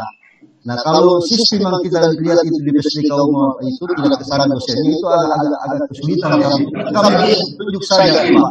Jadi kronologisnya sudah berjalan sebenarnya ini ya, apa namanya semacam bincang-bincang dengan ketua IPI daerah cabang Manado. Malah, malah tempat kuliahnya sudah ada. Tempat kuliahnya itu dia sudah usulkan di sana, dia sudah adalah Universitas Teknologi Sulawesi Utara sebenarnya. Itu se- semacam kronologisnya, eh, sehingga memang sangat-sangat dibutuhkan adik, eh, teman sejawat di sana eh, D4 fisioterapi sampai profesi. Karena di sana itu terus terang kompetensi yang ada di sana rata-rata adalah baru D3 fisioterapi kan gitu. Saya kira begitu saja Pak Munawir dan Pak Era. Mohon masukannya. Iya. Ya. Eh, mungkin kita kembali ke main dulu Pak. Dulu supaya pertanyaan-pertanyaan tambahan. dulu supaya ada Bu Nurul supaya kita ini lebih adil, mungkin kita ikut di chat saja Bu pertanyaannya. Ya, silakan Bu Nurul. Mungkin untuk ini kita masuk ke babak tanya jawab eh, yang sudah disampaikan terlebih dahulu bahwa yang kami akan eh, apa namanya sampaikan ke moderator ke narasumber adalah yang masuk ke kolom chat. Ya mungkin saya langsung saja.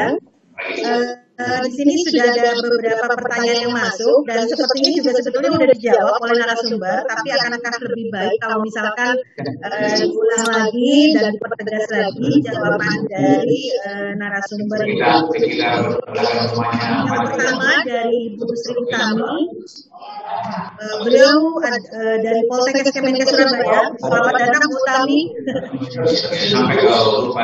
Ah, dari Bu Tami ini menanyakan ke Pak Munawir ya. Eh, eh, mohon informasi kapan aplikasi usulan PSDK dari Perma dibuka. Karena sampai saat ini belum bisa dibuka. Ya kayaknya ini Poltekkes eh, Surabaya sudah pernah mengusulkan kayaknya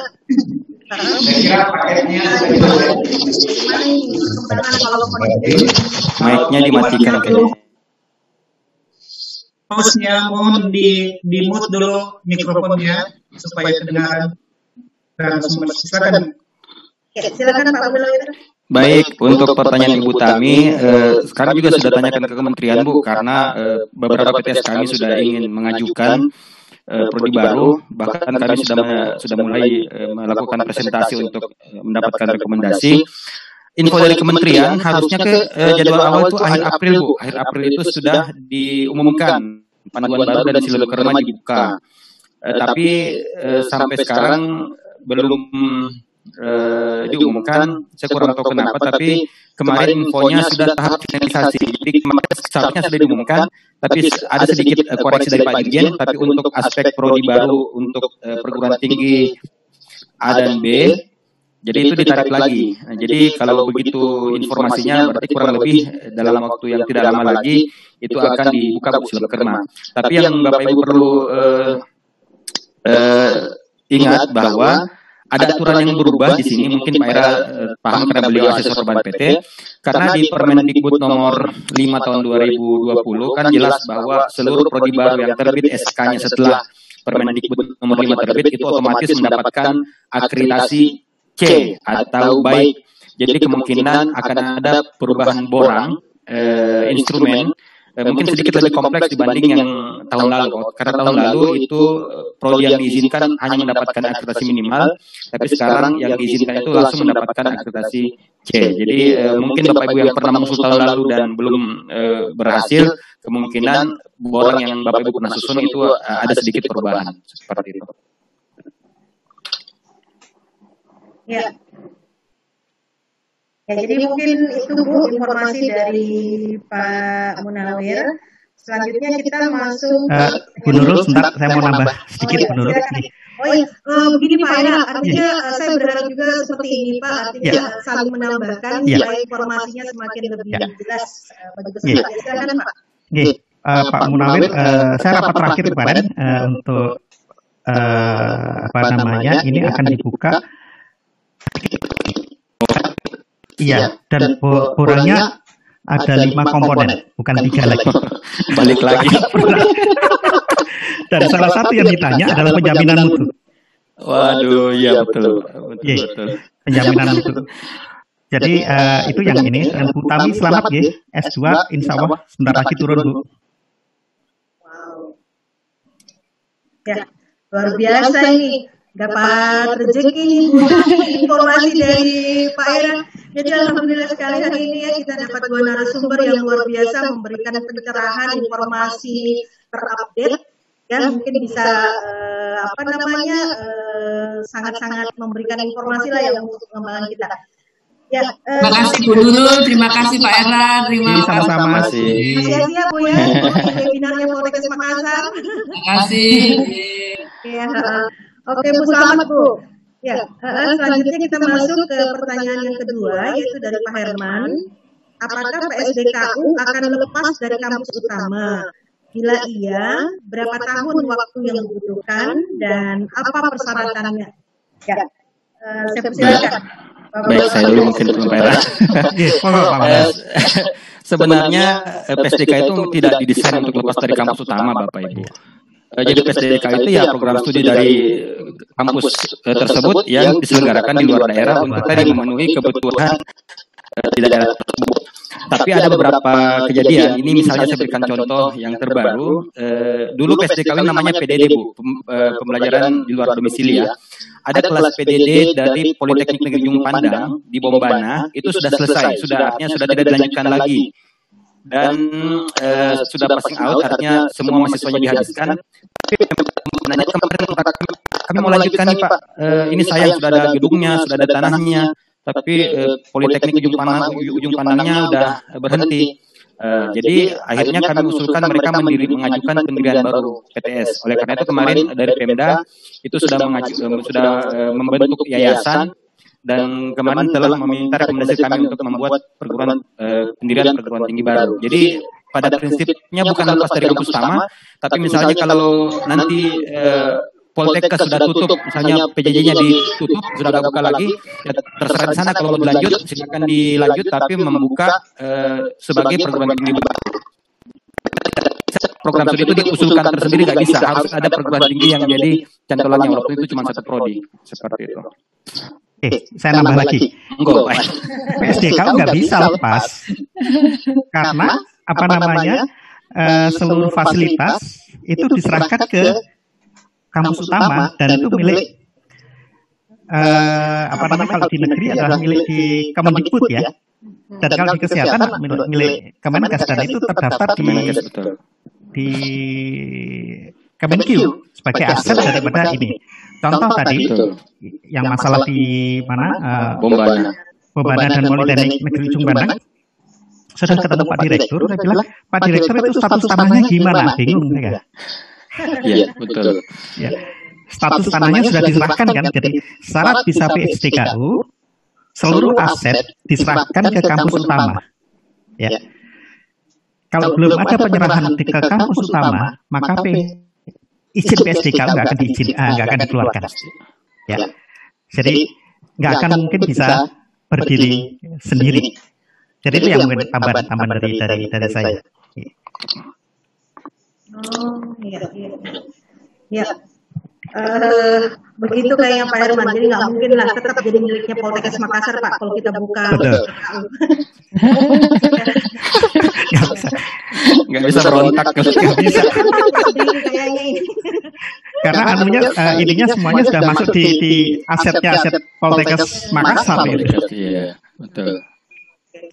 Ya, makasih Pak Era yang Iya. sudah menambahkan ya.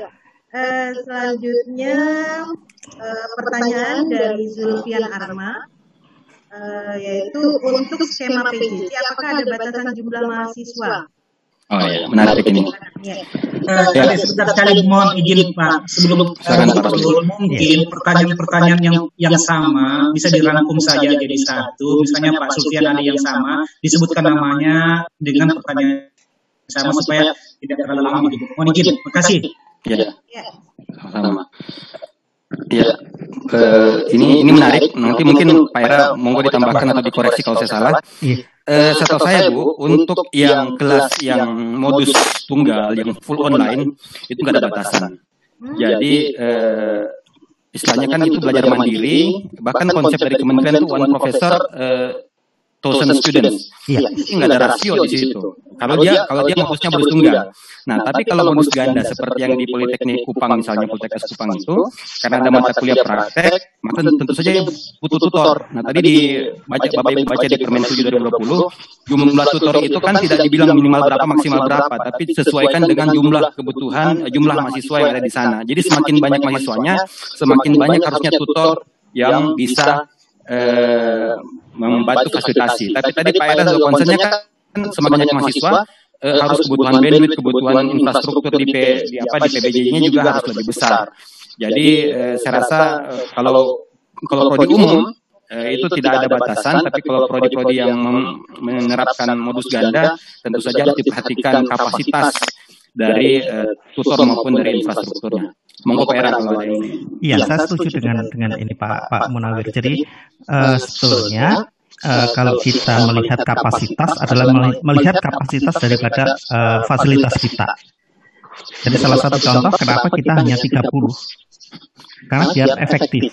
Pada saat uh, ada apa namanya uh, pertanyaan, ada ini karena uh, diskusi dan seterusnya akan lebih ini. Dan satu, kalau kita terlalu banyak bagaimana ujian proyek akhirnya, itu yang menjadi masalah. Ya. Kalau terkait dengan uh, penjaminan mutunya, Pak, kaitan dengan rasio dosen dengan mahasiswa, apakah tidak mengikut seperti pada uh, apa namanya aturan di penjaminan mutu itu, Pak? Ya. Jadi kemarin uh, waktu uh, kita uh, diskusi dengan akreditasi, kita kan sudah akreditasi ya, satu-satunya akreditasi itu memang ditanyakan bagaimana konsep uh, bandwidth-nya berapa, terus mahasiswanya berapa. Kalau kita masih tetap banyak, bandwidth-nya nyampe nggak nanti untuk itu? Nyaman nggak uh, di sana? Itu yang paling paling. Saya, saya, uh, saya bukan ganda, tapi saya adalah uh, apa namanya uh, tunggal. Saya tidak berani ya. Saya tidak berani untuk tunggal aja nggak berani pak ya. Nggak berani saya, nggak berani, nggak berani. Tapi kembali lagi tadi, ya. Kalau gini, gini, saya ada standar mutu sendiri. Di penjaminan itu, kebetulan saya di penjaminan itu, PCC kita standar mutunya adalah satu kelas 30. Saya mengikuti rasio daripada oh, kelas ini, ya kelas reguler. Ya, kelas reguler. Itu yang saya tentukan sendiri. Di aturan eh, kementerian memang nggak ada, tapi itu adalah aturan daripada kita sendiri. Cuma, cuma SPP-nya lebih mahal kita. SPP-nya lebih mahal, tiga empat kali lipat daripada yang reguler. Oleh sebab itu, kenapa kita tidak menerima mahasiswa fresh graduate? Karena, mohon maaf ini, fresh graduate tidak akan mampu bayar. Jadi itu yang yang yang yang kita kita ini. Sehingga mereka bayar mahal, mereka nyaman dengan kuliah kita. Nah, itu itu ini. Nah, ini kita akan ada rencana Bu, uh, program diploma 3 kita akan hapus semua. Jadi kita diploma 4, jadi kita ada punya, iya, kita ada delapan program 3, kita akan hapus semua, dan akan kita ganti PJJ, Pak. Oh, good. Dan sekarang lagi kita apa namanya lagi ngerancang S2 terapan dan S3 terapan yang uh, by riset PJJ ini juga. Yeah. Itu yang, yang kita lakukan. Iya, terima kasih. Bu Nurul sedikit tambahan. dari tadi saya lihat teman-teman eh, ini kan membicarakan PJJ yang mau dibuka ini kaitannya untuk mengcover lulusan D3 yang mau lanjut di jenjang lagi. Iya, Kenapa iya. dipikir untuk membuka untuk mahasiswa yang dari 0 tahun, mahasiswa Iya. baru gitu. Iya, duitnya lebih banyak, Pak.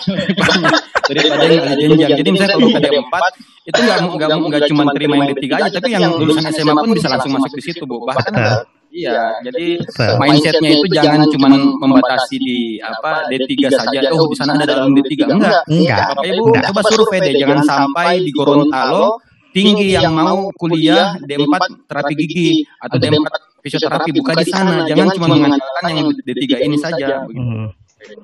Seperti itu. Terkait Pak terkait dengan vokasi tadi Pak yang disampaikan sama Pak Era Iya. bahwa mereka lebih memprioritaskan yang postgraduate artinya yang sudah sudah bekerja gitu Pak ya?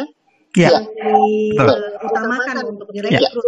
Ini gimana Pak eh, kaitannya dengan pelaksanaan PJJ kalau kita juga ingin mengambil yang murni eh, dari lulusan SMA gitu gimana Pak? Enggak ada, nggak ada, nggak ada masalah Pak Era ya, sama aja ya. Ada masalah. Masalahnya ada di proses pembelajaran. Jadi mau tadi Pak Iya. mereka keterampilan apa segala macam itu menjadi lebih berat Pak ya. Betul. Betul. Betul betul Betul. betul betul. Betul, betul, betul. Eh, Mbak, saya kurang tahu nih, mungkin Pak Era bisa jelaskan. Setahu saya di salah satu konsep karakteristik PJJ kan terbuka adalah uh, bukan hanya uh, fresh, uh, bukan hanya lulusan SMA saja, tapi masyarakat umum pun setahu saya bisa mengikuti program uh, PJJ untuk menambah uh, upskilling atau upgrading skillnya. Jadi ya, konsepnya uh, long life learning pak ya pembelajaran ya, sepanjang hayat. Betul. Betul. Jadi betul. mindset kita jangan cuma D3 saja betul, yang bisa D3 tapi bukan, bukan untuk umum. Ini ya. besar sekali peluangnya kalau PJJ dapat izinnya. Ya. Lokasi Pak. Makanya saya Bu Nurul, tadi Bu Nurul, mohon anu Bu, mungkin barangkali bisa di difasilitasi pertanyaan-pertanyaan chat supaya bisa terakomodir. Oke. Ya ini sebetulnya cuma tinggal dua Pak pertanyaannya, makanya oh, waktu kita masih panjang sampai 11.30. Akhirnya sambil menunggu pertanyaan-pertanyaan masuk, makanya okay. saya coba gali lagi tadi. Uh, mohon maaf, tadi masih ini Pak untuk yang PJJ tadi. Kalau misalkan dia adalah uh, apa namanya peserta yang baru atau mahasiswa lulusan SMA lah yang ikut di dalam program PJJ, kemudian kita butuhkan tutor, otomatis tutornya itu uh, harus di apa istilahnya di, di SK-kan oleh uh, kepala badan gitu ya Pak. Kalau dari aturan yang tadi Bapak sampaikan. Kalau tidak salah, uh, tutor itu pegawai tidak tetap, Bu. Dan dia juga uh, bukan full time tapi part time. Tapi yang penting dia dapat training dari tempat Ibu. Nah, SK-nya ini saya kurang tahu. Yang jelas dia SK-nya bukan pegawai tetap, tapi pegawai tidak tetap. Ya, part time. Yang penting di training, Bu. Yang penting mereka di training. Dan dia dan dia jadi misalnya dia membuka apa D4 D4 terapi gigi maka tutor itu minimal selevel dengan prodi yang dibuka jenjang pendidikannya seperti itu. Ya. Masih ada pertanyaan, Bu? Masih ada. Uh, ya, silakan di bagian Pak dibaca pertanyaan untuk siapa. Oke. Okay. Ya, uh, yang berikutnya pertanyaan yang keempat yaitu bagaimana implementasi modus konsorsium dalam penyelenggaraan PJJ. Ini dari Pak Roy Mondus. Ini tidak menyebutkan ke siapa, tapi kayaknya mungkin dua-dua narasumber kita bisa memberikan uh, jawabannya. Silakan Pak. Ya, Uh, kalau modus konsorsium ini kurang lebih sama dengan ini Bu, dengan yang dilakukan Universitas Amikom Jogja dengan eh, teman-teman di STIMIK di Penegara. Jadi dia modusnya kerjasama antara perguruan tinggi negeri, eh, antara perguruan tinggi. Jadi kalau misalnya dari Poltekkes Kupang itu kan dia membuka, dia buka mungkin dengan eh, kerjasama dengan Pemda. Nah itu modusnya. Tapi kalau dia konsorsium berarti kerjasamanya dengan uh, perguruan tinggi, sesama perguruan tinggi. Dan ini sudah ada contohnya Bu, kita di Amikom sama Amikom Jogja dengan uh, di Panegara Makassar itu sudah sudah jalan, sudah jalan dua semester S2 uh, informatika kalau nggak salah. Dia sama, prosesnya kurang lebih sama. Ya, cuma cuman mitra, cuman bedanya mitra tempat PJJ ini adalah perguruan tinggi. Jadi bisa bisa saja tadi yang disampaikan Pak Era, kalau di Manado ya kerjasama dengan Poltekkes Kemenkes Manado, pakai ruangan di sana, pakai fasilitas di sana, toh sama-sama Kemenkes punya kan, cuman eh, paling eh, menyediakan eh, tutor untuk memfasilitasi mahasiswa yang dari, tapi jasanya jasanya Poltekkes Makassar bu seperti itu, bukan Poltekkes Kemenkes. Ya. Ya, ya kalau, saya pengalaman saya adalah ini konsorsium dengan uh, ada konsorsium dengan perusahaan dan ada konsorsium dengan perguruan tinggi. Ya. Nah, perguruan tinggi kita lakukan satu dengan uh, apa namanya Politeknik Negeri Banjarmasin, yang satu adalah Politeknik uh, Penerbangan, dan yang kedua adalah dengan industri. Nah, industri itu satu dengan apa namanya uh, Samsung Korea. Dan yang satu adalah dengan uh, Fujitsu Jepang. Nah, itu adalah untuk DKI. Uh, praktikumnya ada di sana, uh, di sana. dan uh, kita sih satu semester dua kali ke sana untuk untuk melihat apa namanya untuk uh, menguji daripada uh, ininya apa namanya kalau yang dengan industri tadi kalau dengan apa namanya konsorsium dengan uh, politeknik uh, dosennya adalah teman-teman Banjarmasin sendiri dan teman-teman politeknik penerbangan nah, itu Bu, Bu Nurul jadi bisa bisa Pak ya, biar dengan industri maupun dengan institusi pendidikan. Ya. Prinsipnya mereka bersedia untuk uh, melakukan itu. itu. Ya. ya. Oke. Okay. Uh, selanjutnya lagi Pak ada satu pertanyaan lagi, ya, dua pertanyaan. Yang pertama, uh, yang kelima, pertanyaan kelima ini eh, bagaimana statusnya D3 perawatan pare-pare sebagai kampus 2. Jadi kami Pak punya program studi perawatan pare-pare itu ada di eh, kabupaten di luar dari Makassar. Itu pertanyaannya eh, bagaimana status D3 perawatan pare-pare sebagai kampus 2? Apakah berlaku seperti aturan PSDKU dan PJJ? Dilihat dulu Bu, eh, waktu izin awalnya seperti apa untuk eh, kampus pare-pare itu. Apakah dia eh, di luar domisili atau apa? Dan di permen ini kan ada selalu ketentuan peralihan. Jadi harus, eh, kalaupun sudah ada yang sudah berjalan, ada terbit peraturan baru harus tetap menyesuaikan dengan aturan yang aturan yang terbaru. Jadi misalnya eh, tetap harus comply dengan aturan. Misalnya eh, kalau di sana berarti PSDKU ya, berarti tetap sana ada dosennya yang standby, harus eh, apa harus ada tempat belajar, harus sarprasnya juga sama untuk prodi-prodi yang eh, dimaksud. Seperti itu. Jadi tergantung dilihat dari izin awalnya seperti apa, Bu, yang pare-pare ini. Dia izinnya sebagai apa? Betul, betul Pak Munawir. Izin awalnya itu dari perawatan pare-pare. Iya. Ya. PDD. Ada lagi Bu Nurul? Iya, masih ada Pak. Eh, Ya. yang keenam, apakah dosen PSDKU wajib berdomisili di lokasi tempat PSDKU? Iya. Ya, wajib. Wajib. Makanya tadi pertanyaan, Iya. ya, pertanyaan tadi dari mana dari eh, teman-teman di fisioterapi yang namanya PSDKU memang dosennya harus dedicated jadi bukan dosen yang dari eh, kampus utama yang bolak-balik. Jadi yang bisa bolak-balik itu yang dimungkinkan bolak-balik adalah yang di kelas pengembangan Bapak Ibu. Kelas pengembangan itu kalau masih berbatasan langsung, jadi non PSDKU. Jadi misalnya di Maros, ya masih bolak-balik masih memungkinkan. Di Goa masih memungkinkan.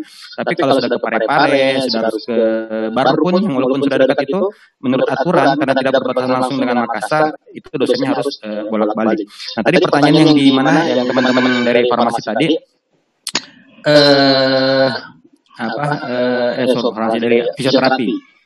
Apakah bo- dosennya bisa bolak-balik? Pertanyaannya sekarang kalau bolak-balik itu biayanya berapa? Kemudian eh, apa mahasiswanya bisa bayar tuh tercover nggak iya. dari SPP-nya untuk membayar tiketnya saja itu hotelnya bagaimana? Itu pasti pasti berat. Makanya memang harus eh, dosennya stay di sana. Dan eh, ini juga ada pertanyaan tadi dari apa dari Bu Siti langsung ke saya tadi. Eh, bagaimana kalau ada institusi yang membuka prodi sejenis eh, di kabupaten lain atau PSDKU belum terakreditasi itu namanya pelanggaran berat bu. di permen apa di permen eh, nomor sa- sama di permen 7 2020 itu juga ada jenis-jenis pelanggaran termasuk menyelenggarakan kelas jauh itu adalah pelanggaran berat kalau tanpa izin dari Ya. kementerian. Makanya modus tadi dosen bolak-balik itu pasti tidak efektif. banyak kejadian pelanggaran yang kami temukan seperti itu. ini banyak eh, prodi kesehatan ya utamanya di Makassar ini yang buka kelas sampai ke Papua. Itu cuma datang satu kali itu selesai satu semester. dan itu sudah kita kasih sanksi berat kemarin ada beberapa. nah kemudian ada juga modus yang sebaliknya bapak ibu. Eh, ada prodi saya nggak sebut eh, perguruan tingginya apa karena pasti ketahuan prodinya eh, terbatas? nggak usah sebut juga nama kotanya. tapi misalnya anggap ada tiga terapi gigi. nah ini banyak mahasiswanya yang dari Kalimantan dari eh, Papua. Itu datang sekali ke sini itu langsung banyak mata kuliah. itu pulang lagi lama baru datang lagi. Eh, tentu saja ini akan merusak mutu. walaupun eh, beberapa mahasiswa itu saya kenal memang dia punya skill yang bagus karena lulusan SPRG eh, sekolah perawat gigi tapi dari segi eh, penyelenggaraan ini sudah melanggar. jadi eh, solusi seperti PSDKU inilah untuk kemudian mengurangi praktek-praktek seperti itu. Karena seperti di Papua, di Papua kan bingung nih kalau kita mau lanjut D3 yang dari sekolah perawat nggak ada, makanya kita yang harus eh, datang ke sana membuka kelas dengan cara yang eh, legal seperti itu. Jadi sekali lagi di, dianalisis bu sebaik-baiknya. Jangan cuma berpikir eh, ada lulusan D3 di sana banyak, tapi kita berpikir jangka panjang, eh, bukan hanya lulusan D3, tapi juga lulusan dari SMA sederajat yang kemungkinan besar minatnya untuk prodi-prodi tertentu yang ada di Poltekkes Kemenkes seperti itu. Oke, kalau saya sih, eh, kalau yang tadi itu, kan kita punya namanya pro- program RPL, Recognized Play Learning. Iya, Itu kan bisa kita manfaatkan sebetulnya. betul. Itu aja. Itu sesuai KKNI ya, tes sesuai KKNI-nya kan. Betul. Ya. Ya, kalau dari sisi pertanyaan sepertinya eh, tidak ada lagi kecuali eh, masih ada yang berminat eh, di luar dari kolom chat karena waktu kita masih ada. Uh, mungkin mungkin kalau sudah tidak ada lagi Bu, satu sebelum kita tutup Pak Munawir. Ya, Pak Rusli. Ya, ini hanya merespon saja dari animo uh, alumni D3 di Manado dengan di apa di Sinjai dan Lubanggai apresiasi masuk di D4 masing-masing program studi, uh, saya berpikir bahwa kami kan tidak pernah tahu bahwa ada di belakangnya Pak ya, meskipun Pak Munawir sebenarnya bisa merespon bahwa sebenarnya kenapa tidak dari. Nah, memang yang jangka pendek yang kami harapkan memang adalah merespon animo dari yang alumni D3 dan 4 sehingga uh, saya tadi uh, uh, merespon bahwa dengan pembelajaran PJJ yang uh, program studi 50% dan mahasiswa yang praktek masuk ke uh, apa? ke Poltekkes itu mungkin barangkali salah satu solusinya Pak barangkali ya. ya solusi sementara betul bisa Pak. Ya, Ya, tapi Bapak bisa pastikan jadi yang yang di 50% itu bukan proses Pak dalam mata kuliah, ya, tapi jumlah mata kuliah. Jadi Bapak harus melihat ya berapa mata kuliah maksimum 50%. Satu vokasi eh, 30% teori, 70% praktek. Jadi mungkin yang teori itu bisa full Pak lewat eh, PJJ mata kuliah agama yang begitu-begitu itu bisa di PJJ-kan saja. Seperti itu. Tapi yang mata kuliah yang harus prakteknya mereka harus ada di kampus utama Pak di tempat prakteknya seperti itu. Baik Pak, terima kasih Pak Munir atas uh, masukannya. Pak Rusli, kami nambah.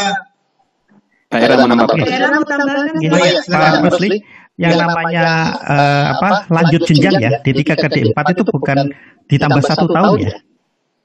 Betul Pak. Ya, karena uh, konversinya masih ada satu semester kira-kira. Jadi Iya Pak. konversi itu juga bisa dilakukan lewat RPL, Recognized Parallel Learning, sehingga dia masuk ke, ke ya. Saya mau sampaikan juga ini tadi Pak Ya. bahwa sebenarnya uh, kegiatan kami sebenarnya punya pengalaman tentang RPL. Mereka di Kendari, di Palu, di Lubanggai, pembelajaran secara RPL, recognize pembelajaran lama itu Pak. Jadi saya kira mungkin konsep-konsep itu bisa kita eh, combine dengan PJJ. Ya. Pak, Ya. Ya, Baik, betul Pak. eh, Bapak Ibu sekalian, eh, eh, saya kira tidak ada lagi Nurul. Ya, Eh, pertemuan tatap maya kita ini tidak sampai di sini Pak Ira dengan Pak Munawir. Kami ada pertemuan sekali lagi menghadirkan teman-teman kita yang punya pengalaman di eh, Kalimantan Timur dengan di Kupang. Kira-kira Oh, iya. konsepnya. Nah, ini kita baru dapat tentang regulasi dan pengalaman dari Pak Ira dan Pak Munawir. Mungkin eh, satu lagi pertemuan karena kami punya dua pertemuan terkait dengan pengalaman proses belajar jarak jauh yang dari Kupang dengan dari Kalimantan Timur. Demikian Pak, Pak Era barangkali dengan silakan Pak Direktur, silakan Pak Direktur. Ya, saya kira cukup Pak, tadi luar biasa diskusinya. Jadi eh, semangat dari teman-teman jurusan fisioterapi dan eh, terapi gigi itu luar biasa. Tetapi ada hal-hal yang kita harus persiapkan Pak. Seperti berjalan Pak, lebih mudah sebelumnya kita sudah tahu petanya daripada sudah terlanjur berjalan mundur lagi balik lagi itu lebih ongkosnya lebih mahal Pak. Ya. Jadi teman ini diskusi ini dan juga pembicaraan penyerahan nanti akan terus kita lakukan tetapi ya sesuatu sekarang ini kan Pak kadang-kadang mohon maaf kita terlalu banyak berpikir tiba-tiba tetangga sebelah udah buka saja Pak. Itu oh, oh. Kalah Pak. Nah, nah, masalahnya memang di PTKL Pak, Nah, kita memang eh, beda sama, mohon maaf, ke di apa seperti Pak Era itu Ya. ada langsung di Kemenhub langsung. Ya. Pak. Kalau kita ini PTKL Pak ini memang eh, apa nih stakeholdernya lain Pak. Kita harus ada tidak bisa langsung punya kewenangan langsung gitu. Ya mesti ada di atasnya di atasnya. Ya. karena proses itu memerlukan waktu. Kadang-kadang kita lebih paham daripada di atasnya. Itu, masalahnya Pak. Pak Era, Pak Era depan depan lain paham itu Pak. Contoh untuk apa? Kita membuka prodi saja prodi baru Pak. Itu berarti kita sudah siap semuanya dan sebagainya. Ya Pak ini Pak Wadir satu dan tim teman-teman juga udah kita udah siap, udah siap. Tetapi itu Pak rekomendasi nunggu izin eh tetangga sebelah sudah buka. Itu pak. Satu sisi diminta oke respon cepat ya. Respon cepat ya. Coba ya. Ambil inisiatif. Nah ini masalahnya Bu Nurul ya. Teman-teman ini semangat semua. Oke eh, forum ini ya kita artinya komunikasinya dari bawah. Kita juga memberikan apa eh, begini loh, kadang-kadang di atas juga di pimpinan kami harus diadvokasi, maklum lah. Ya. Orbis Iya. Sementara teman-teman ini kayaknya kalau sudah bicara ini 100% and 100% sudah orang pendidikan Pak, ya nggak salah juga. Mau cirinya adalah ya sudahlah, pokoknya ini tadi teman fisioterapi, wah pokoknya ini kita masuknya udah siap, kita udah siap apa, apa lagi gitu. Pak, Pak, Pak Nawir sama Pak Era luar biasa Pak. Terima kasih. Sama-sama. Sama-sama, Pak. Rusli, kita lihat Ya, semangat. Biasa Pak aja. Mudah-mudahan bantu terus kami Pak, dampingi kami. Ya. Insya Allah. Ya. Terima kasih Pak. Assalamualaikum warahmatullahi wabarakatuh. Waalaikumsalam. menanggapi Pak Munawir tadi, eh, Pak Direktur terkait dengan teknologi bandara pada saat Pak Munawir eh, pertemuan kita yang kedua, eh, sama kami dapat informasi bahwa Silem Karma belum buka Pak pada eh, pada saat itu dia katakan pada awal Mei sudah terbuka, tapi sampai sekarang kami belum bisa mengakses Pak itu Pak Munawir. Akhir Mei tadi kata Pak Era, Pak, insya Allah. Oh, akhir Mei ya, alhamdulillah Iya. karena awal Mei pada saat kami disampaikan dari pihak eh, pusat ternyata belum ada keluar informasi itu. Mudah-mudahan Eraya akhir Mei sudah ada informasi yang kami dapat terkait dengan pembukaan prodi baru kami teknologi bandara. Tapi Baik, Bu Nurul, saya kira cukup. beda, Pak. Saya kira cukup. Silakan Bu. Eh, Orangnya beda. Kurangnya beda. Ya. Ke- kecuali Bapak pernah mengusulkan 2019 dan gagal, itu kemarin diberi kesempatan Pak satu bulan sampai Ya. Maret kemarin ngupload ulang. Ya. Tapi kalau belum sempat dikirim, mau nggak mau harus merubah borongan Pak ya. Betul. Tapi Pak Pak Pak Pak Munawir, kami sudah mengirim Pak ke Silem Kerma. Iya. Uh, tapi belum ada informasi terkait apakah sudah di karena pada satu tinggal keluar SK Pak ya. Oh iya, ya. Iya. Uh, Ya. Kami belum dapat informasi karena pada saat ini uh, Silem Karma belum membuka Pak. Sudah kami usulkan di 2019 kemarin teknologi bandara. Di, di, follow, di follow up begitu Pak ke Pak Darsono mungkin. karena ini harusnya sudah ini yang yang 2019 sudah mau habis nih Pak. Di kami ini sudah tinggal sedikit yang belum keluar 2019. Pak Munawir, kalau Bandara yang sampai sekarang kami belum kalau- kalau untuk prodi kesehatan harus kita di di kementerian harus berkoordinasi dengan BPSDM-nya Oh, nggih. kesehatan. Kesehatan ya. Iya. Panjangnya. Itu itu panjang, panjangnya di situ. Oh, iya, siap siap siap. Karena katanya kalau buka prodi kan anggarannya mereka juga harus dipersiapkan. Gitu. Nanti kami koordinasi dengan Pak Pak Darsono. Iya. Iya, betul betul ya. Iya. Monggo Terima Pak. kasih Pak. Iya. Iya. Di Ya, eh, cukup panjang diskusi kita. Mudah-mudahan eh, apa yang disampaikan oleh moderator tadi eh, betul memberikan pencerahan dan sekaligus eh, menambah semangat teman-teman yang sudah memiliki beberapa persyaratan untuk bisa eh, membuka eh, pengembangan prodinya. Dan pada kesempatan ini kami mengucapkan terima kasih pada kedua narasumber. Mudah-mudahan eh, kesediaan bapak-bapak eh, tetap ada waktu untuk eh, apa namanya kami untuk berkonsultasi. baru. Ya mungkin eh, demikian. Eh, selanjutnya saya serahkan kepada eh, pembawa acara kepada Alvin. Silakan Alvin.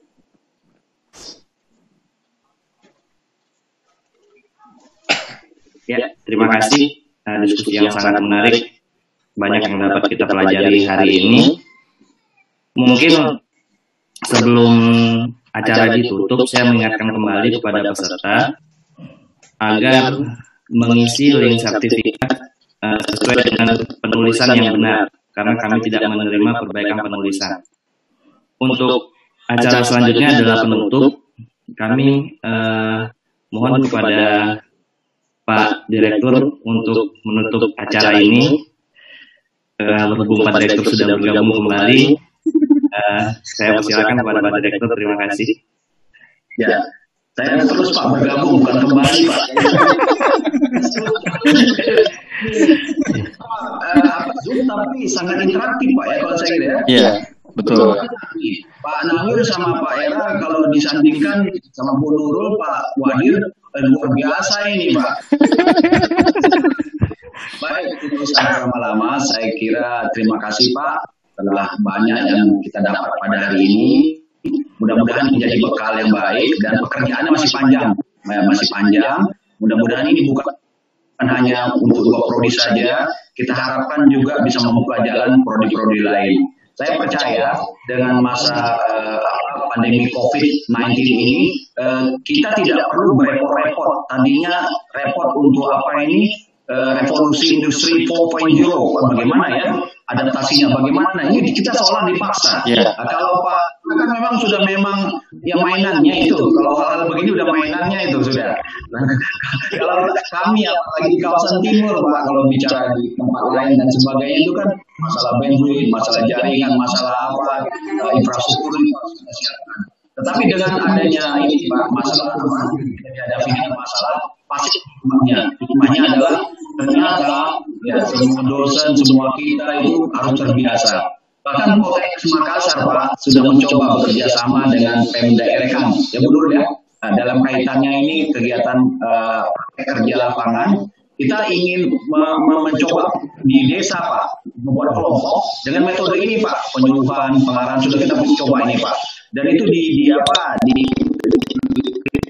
oleh Pemda Dinas Kesehatan. Mudah-mudahan itu menjadi efektif sarana untuk merubah perilaku. Yang tadinya kan disampaikan bahwa perilaku berubah bagus kalau face to face seperti ini. Iya. Kalau face to face lagi ke, ke desa dan sebagainya, pelosok biayanya mahal.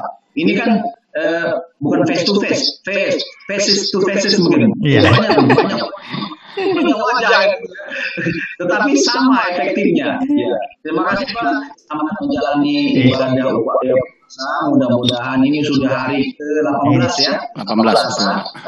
Ya. Mudah-mudahan kita diberikan kesehatan, diberikan kekuatan untuk melaksanakan semua amalia Ramadan dan apa yang kita lakukan terima mudah-mudahan kita mohon doanya kepada Bapak-bapak semua tidak henti-hentinya berdoa semoga ya kita semua ya Indonesia bisa lepas dari, dari masalah ini dan hikmahnya kita bisa ambil bersama. Terima kasih. Assalamualaikum warahmatullahi wabarakatuh. Waalaikumsalam. Warahmatullahi wabarakatuh. Assalamualaikum warahmatullahi wabarakatuh.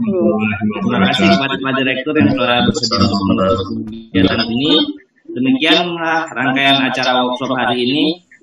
Eh, saya sebagai pembawa acara mewakili Pusat Pengembangan Pendidikan mohon maaf apabila terdapat kekurangan pada workshop hari ini. Pada Allah kami mohon ampun. Semoga workshop ini menjadi manfaat bagi kita semua. Terima kasih. Workshop ini saya akhiri. Assalamualaikum warahmatullahi wabarakatuh.